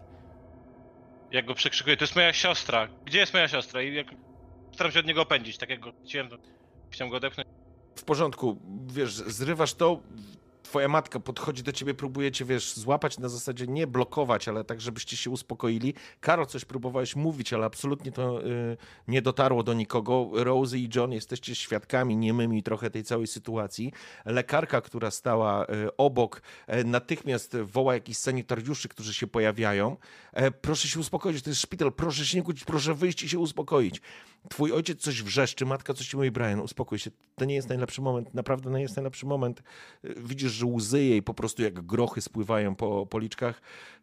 Z Aliszem jest naprawdę bardzo źle. Z nią jest naprawdę bardzo źle. Nie wiem, co się wydarzyło, Brian. Powiedz mi, Brianku, co się tam stało? Co się tam stało? To wszystko przez ciebie, słyszysz, odbija się w, pustym, e, w pustej poczekalni e, krzyk e, ojca Packera. Co robicie? Ja ignoruję matkę i podchodzę do lekarki. Tracie zaczyna. Mm, mm, Lekarka jest skołowana, próbuje was uspokoić. Jest tu naprawdę, zaczyna być, to znaczy zaczyna, wybuchło pandemonium, krótko mówiąc. Krzyczący Packer senior, e, Brian, który po prostu ignoruje matkę, ona coś próbuje mówić, coś, wiecie, uspokajać. E, Lekarka, mm, sanitariusze, Brian podchodzący do lekarki, Karol coś mówiący. E, Kobieta spogląda się na ciebie, e, patrzy się na twojego ojca gdzieś tam, który rysuje się po prostu za plecami. E, masz wrażenie, że jakby fonia się wyłączyła. Wiesz o co chodzi, nie słyszysz tych wszystkich krzyków. Widzisz tylko te oczy takie, wiesz, mrugające tej lekarki, jakby próbowała coś złapać. Matka gdzieś z boku coś woła, tak jakby ktoś po prostu, oglądacie wszyscy tą scenę, jakby ktoś wyłączył dźwięk w tym momencie. Tego wrzeszczącego ojca, który pokazuje paluchem i znowu wraca się do siebie. E, Panie Packer, ale chyba. Chyba nie mogę panu powiedzieć. Jak to nie może mi pani powiedzieć? Dlaczego? Bo nie jesteś już moim synem. Wydziedziczam cię. Nie jesteś członkiem tej Chuj rodziny. tam możesz, mogę zobaczyć moją siostrę. Lekarka spogląda się na ciebie, szukając jakby pomocy w oczach twojej matki. E, matka ci łapie pod rękę. Opowiem ci, Brianku, powiem ci wszystko. Proszę cię, musimy stąd wyjść. Alicia żyje, ale. ale jest nieobecna. Nie gadaj z nim! Nie gadaj z nim! To wszystko Ja przez tak- niego! Zabił naszą Jak- córkę! Ja tak ja widzę, krzyczę do niego, zamknij się! widzę, jak Packer senior podchodzi z agresją coraz bardziej. Znam Briana, też charakter. Podchodzę do seniora, mówię, możemy na słówko i tak łapię go pod rękę dosyć silnym chwytem i staram się go odciągnąć troszeczkę na bok, żeby się nie wpieprzał po prostu im w rozmowę. Ogląda się na ciebie, wiesz, a kim pan jest? I Tak, i dopiero teraz orientuje się, że jesteś księdzem. Mhm. E, Jakby zmienia się, widzisz w jego twarzy, jakby przez sekundę po prostu jakby doszedł do zdrowego rozsądku, ale wiesz, że to trwa przez e, chwilę. Musisz go przekonać, musisz go po prostu e, oderwać od tego, co się dzieje tutaj, żeby faktycznie Brian mógł porozmawiać ze swoją matką. Mm, Czegoś się dowiedzieć, może ta matka uspokoi go, lekarka faktycznie jest już w asyście tych dwóch e, sanitariuszy. To nie są żadne mięśniaki, to nie o to chodzi, że wiecie, po prostu to są zwykli pielęgniarze, którzy będą chcieli pomóc. E, Rosie i John stoicie tam na tym korytarzu, tak naprawdę jesteście świadkami tego, tego co się dzieje. Karol, chciałbym, żebyś rzucił w takim razie sobie na... Mm, Na psychologię myślałem, wiesz? Dobrze. na niego Ty masz y, negatywne czy pozytywne kości dzisiaj? negatywne. Dobrze, to ja bym chciał, żebyś tym razem rzucił sobie z utrudnieniem Z fioletową, tak? i rzucasz fioletową i zobaczymy, jaki Mhm. będzie wynik. Na minus jeden jest porażka. Hmm. Możesz forsować. A ile musisz obniżyć? Chciał obniżać? Minus jeden to jest. Słuchaj, masz 68, jak rozumiem. Tak, 68 Mhm. miałbyś. To 18, no to dużo. Jak forsujesz, to też Wiesz tym, co, tą kością. Jeżeli, jeżeli będziesz. y, y, właśnie, teraz jest dobre pytanie. Jeżeli forsujesz to też z tą kością negatywną? Tak, tak, tak. Powtarza. No to Z takimi kośćmi, z jakimi były. To w takim razie ja Wiesz. cię tylko informuję, że jakby y, w tym momencie y, ojciec y, Packera cię nie posłucha, natomiast jeśli e, forsowany rzut ci nie wyjdzie, e, brak akceptacji przerodzi się w agresję wobec ciebie. Okej. Nie ma problemu. Okej, to rzucaj. O! Ojej! Porażka na minus jeden.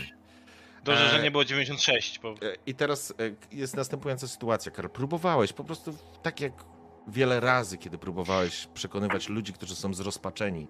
E, oni są nieobliczalni w tym momencie, ale ty po prostu próbowałeś go przekonać, trochę go odciągnąć i nagle dostrzegasz, jak po prostu Packer wyszarpuje się z ciebie i wyprowadza uderzenie na twoją szczękę. Y, Po prostu uderzenie po prostu, wiesz, zaskakujące cię, trafia cię, trafia cię w, w, w głowę. Nie będziemy Mhm. przechodzić w, w element walki. Po prostu uderza cię na zasadzie, zostaw mnie, klecho i obraca się natychmiast w stronę e, twojego swojego syna, swojej żony, lekarki i oczywiście, jeżeli będziesz chciał teraz wejść w walkę, to teraz wejdziemy. To był po prostu efekt twojej krytycznej, e, to znaczy nie krytycznej, tylko po prostu konsekwencja, konsekwencja twojego forsowanego rzutu. I to jest ten moment, kiedy Brian, myślę, że tego nawet nie dostrzegasz, jesteś pochłonięty rozmową z matką i tą sytuacją, zaraz do niej dojdziemy.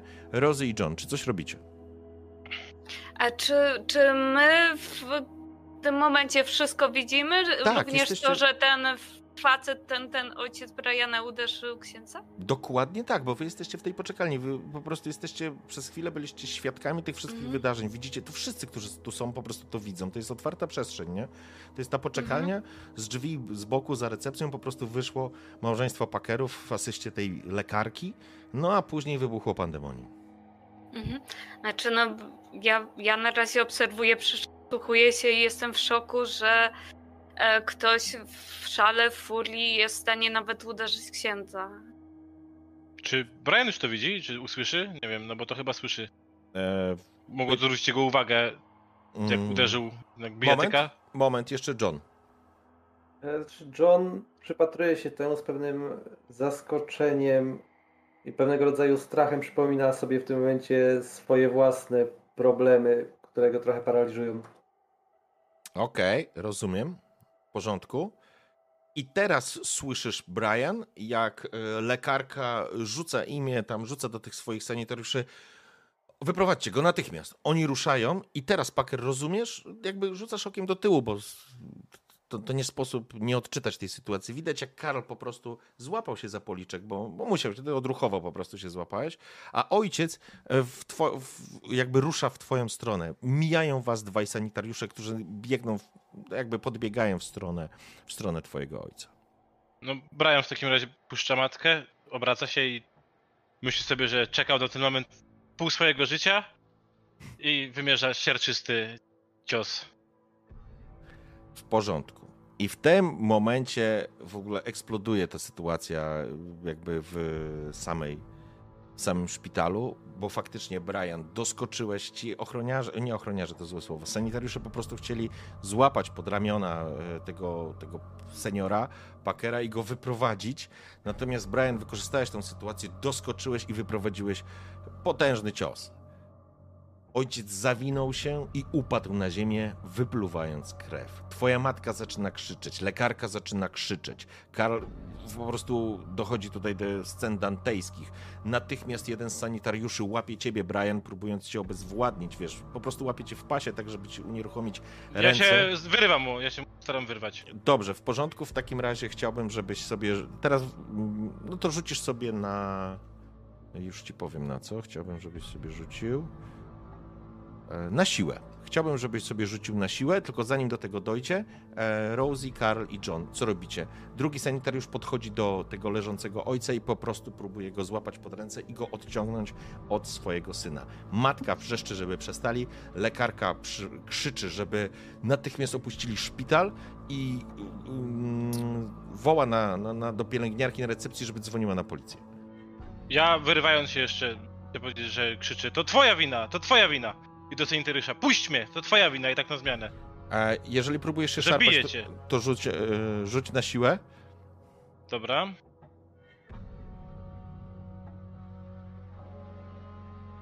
Nie weszło. Porażka na 86, dobra, poczekaj. Ile masz siły? 40. 40. E, Wiesz Tak. co? No dobra, to ja sobie sam już tu rzucę. Um, Stawny. ho! Dobra. No, cztery.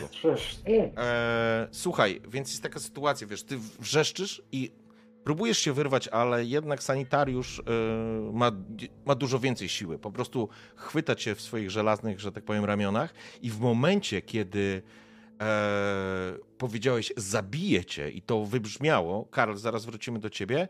E, Nogami jeszcze wiesz. Sł- słyszysz e, lekarkę, nie, tego za dużo, wyprowadź go. I mężczyzna po prostu go ciebie podnosi i wyprowadza. Ty widzicie, jak Brian po prostu szarpie się w jego stalowych objęciach, wykrzykując e, przekleństwa, ale w tym samym czasie jakby drugi sanitariusz odciąga seniora, ta matka po prostu nie wie, co ma zrobić. E, obaj, obaj że tak powiem, rodz- rodzina Packerów się po prostu bluzga. Śmietanka tego miasta w tym właśnie miejscu absolutnie obnaża się do poziomu, którego, którego możecie zobaczyć na, na, na przedmieściach Arkham. Nigdy nie spodziewaliście się, że coś takiego można zobaczyć, ale oni są tylko ludzi. Karl, co robisz? Ja tak tylko zerkam na, e, na Rosie i na Johna. Porozumiewawczo, żeby wyszli ze Brianem, tak? Żeby tam, broń Boże, nic jeszcze głupiego nie uwalił. I Mhm. chciałbym podejść do matki Briana Mhm. i po prostu naświetlić sytuację, że e, Alicia pracowała tak na plebanii, pomagała i czy jestem w stanie coś pomóc w zaistniałej sytuacji. Jeszcze też chciałbym przeprosić ją za, za te rękoczyny. Mhm. Może niekoniecznie z mojej strony, które wyszły. Wiesz, po prostu Okej. psychologicznie podejść i spytać się, czy, czy mogę po prostu wejść do Alicji i upewnić się, czy wszystko jest z nią w miarę ok. Jak W porządku. wygląda. Najpierw będziesz musiał ją uspokoić, bo- ona jest po prostu roztrzęsiona. Mhm. Widzi, jak e, jej syna i męża wyprowadzają sanitariusze tak naprawdę. E, mąż e, krwawi z rozbitego nosa. Syn rzuca przekleństwa i wrzeszczy, że po prostu zabije własnego ojca. Więc to jest będziesz ją po prostu chciał uspokoić. John, widzisz tą całą sytuację i tak samo Rosie. Czy robicie to, o co prosi was Karl, czy robicie coś innego? Pierwszą myślą Johna było to, żeby pójść mimo wszystko za tymi pielęgnarzami, którzy wyprowadzają Briana i jego ojca i starać się rozładować tą sytuację, uspokoić ich, może zaciągnąć Briana do samochodu, coś w tym stylu. Taki W był jego plan pierwotny i tak zrobi. Rosie? Tak, no jak najbardziej id, id, idę tam. Bo początkowo myślałam też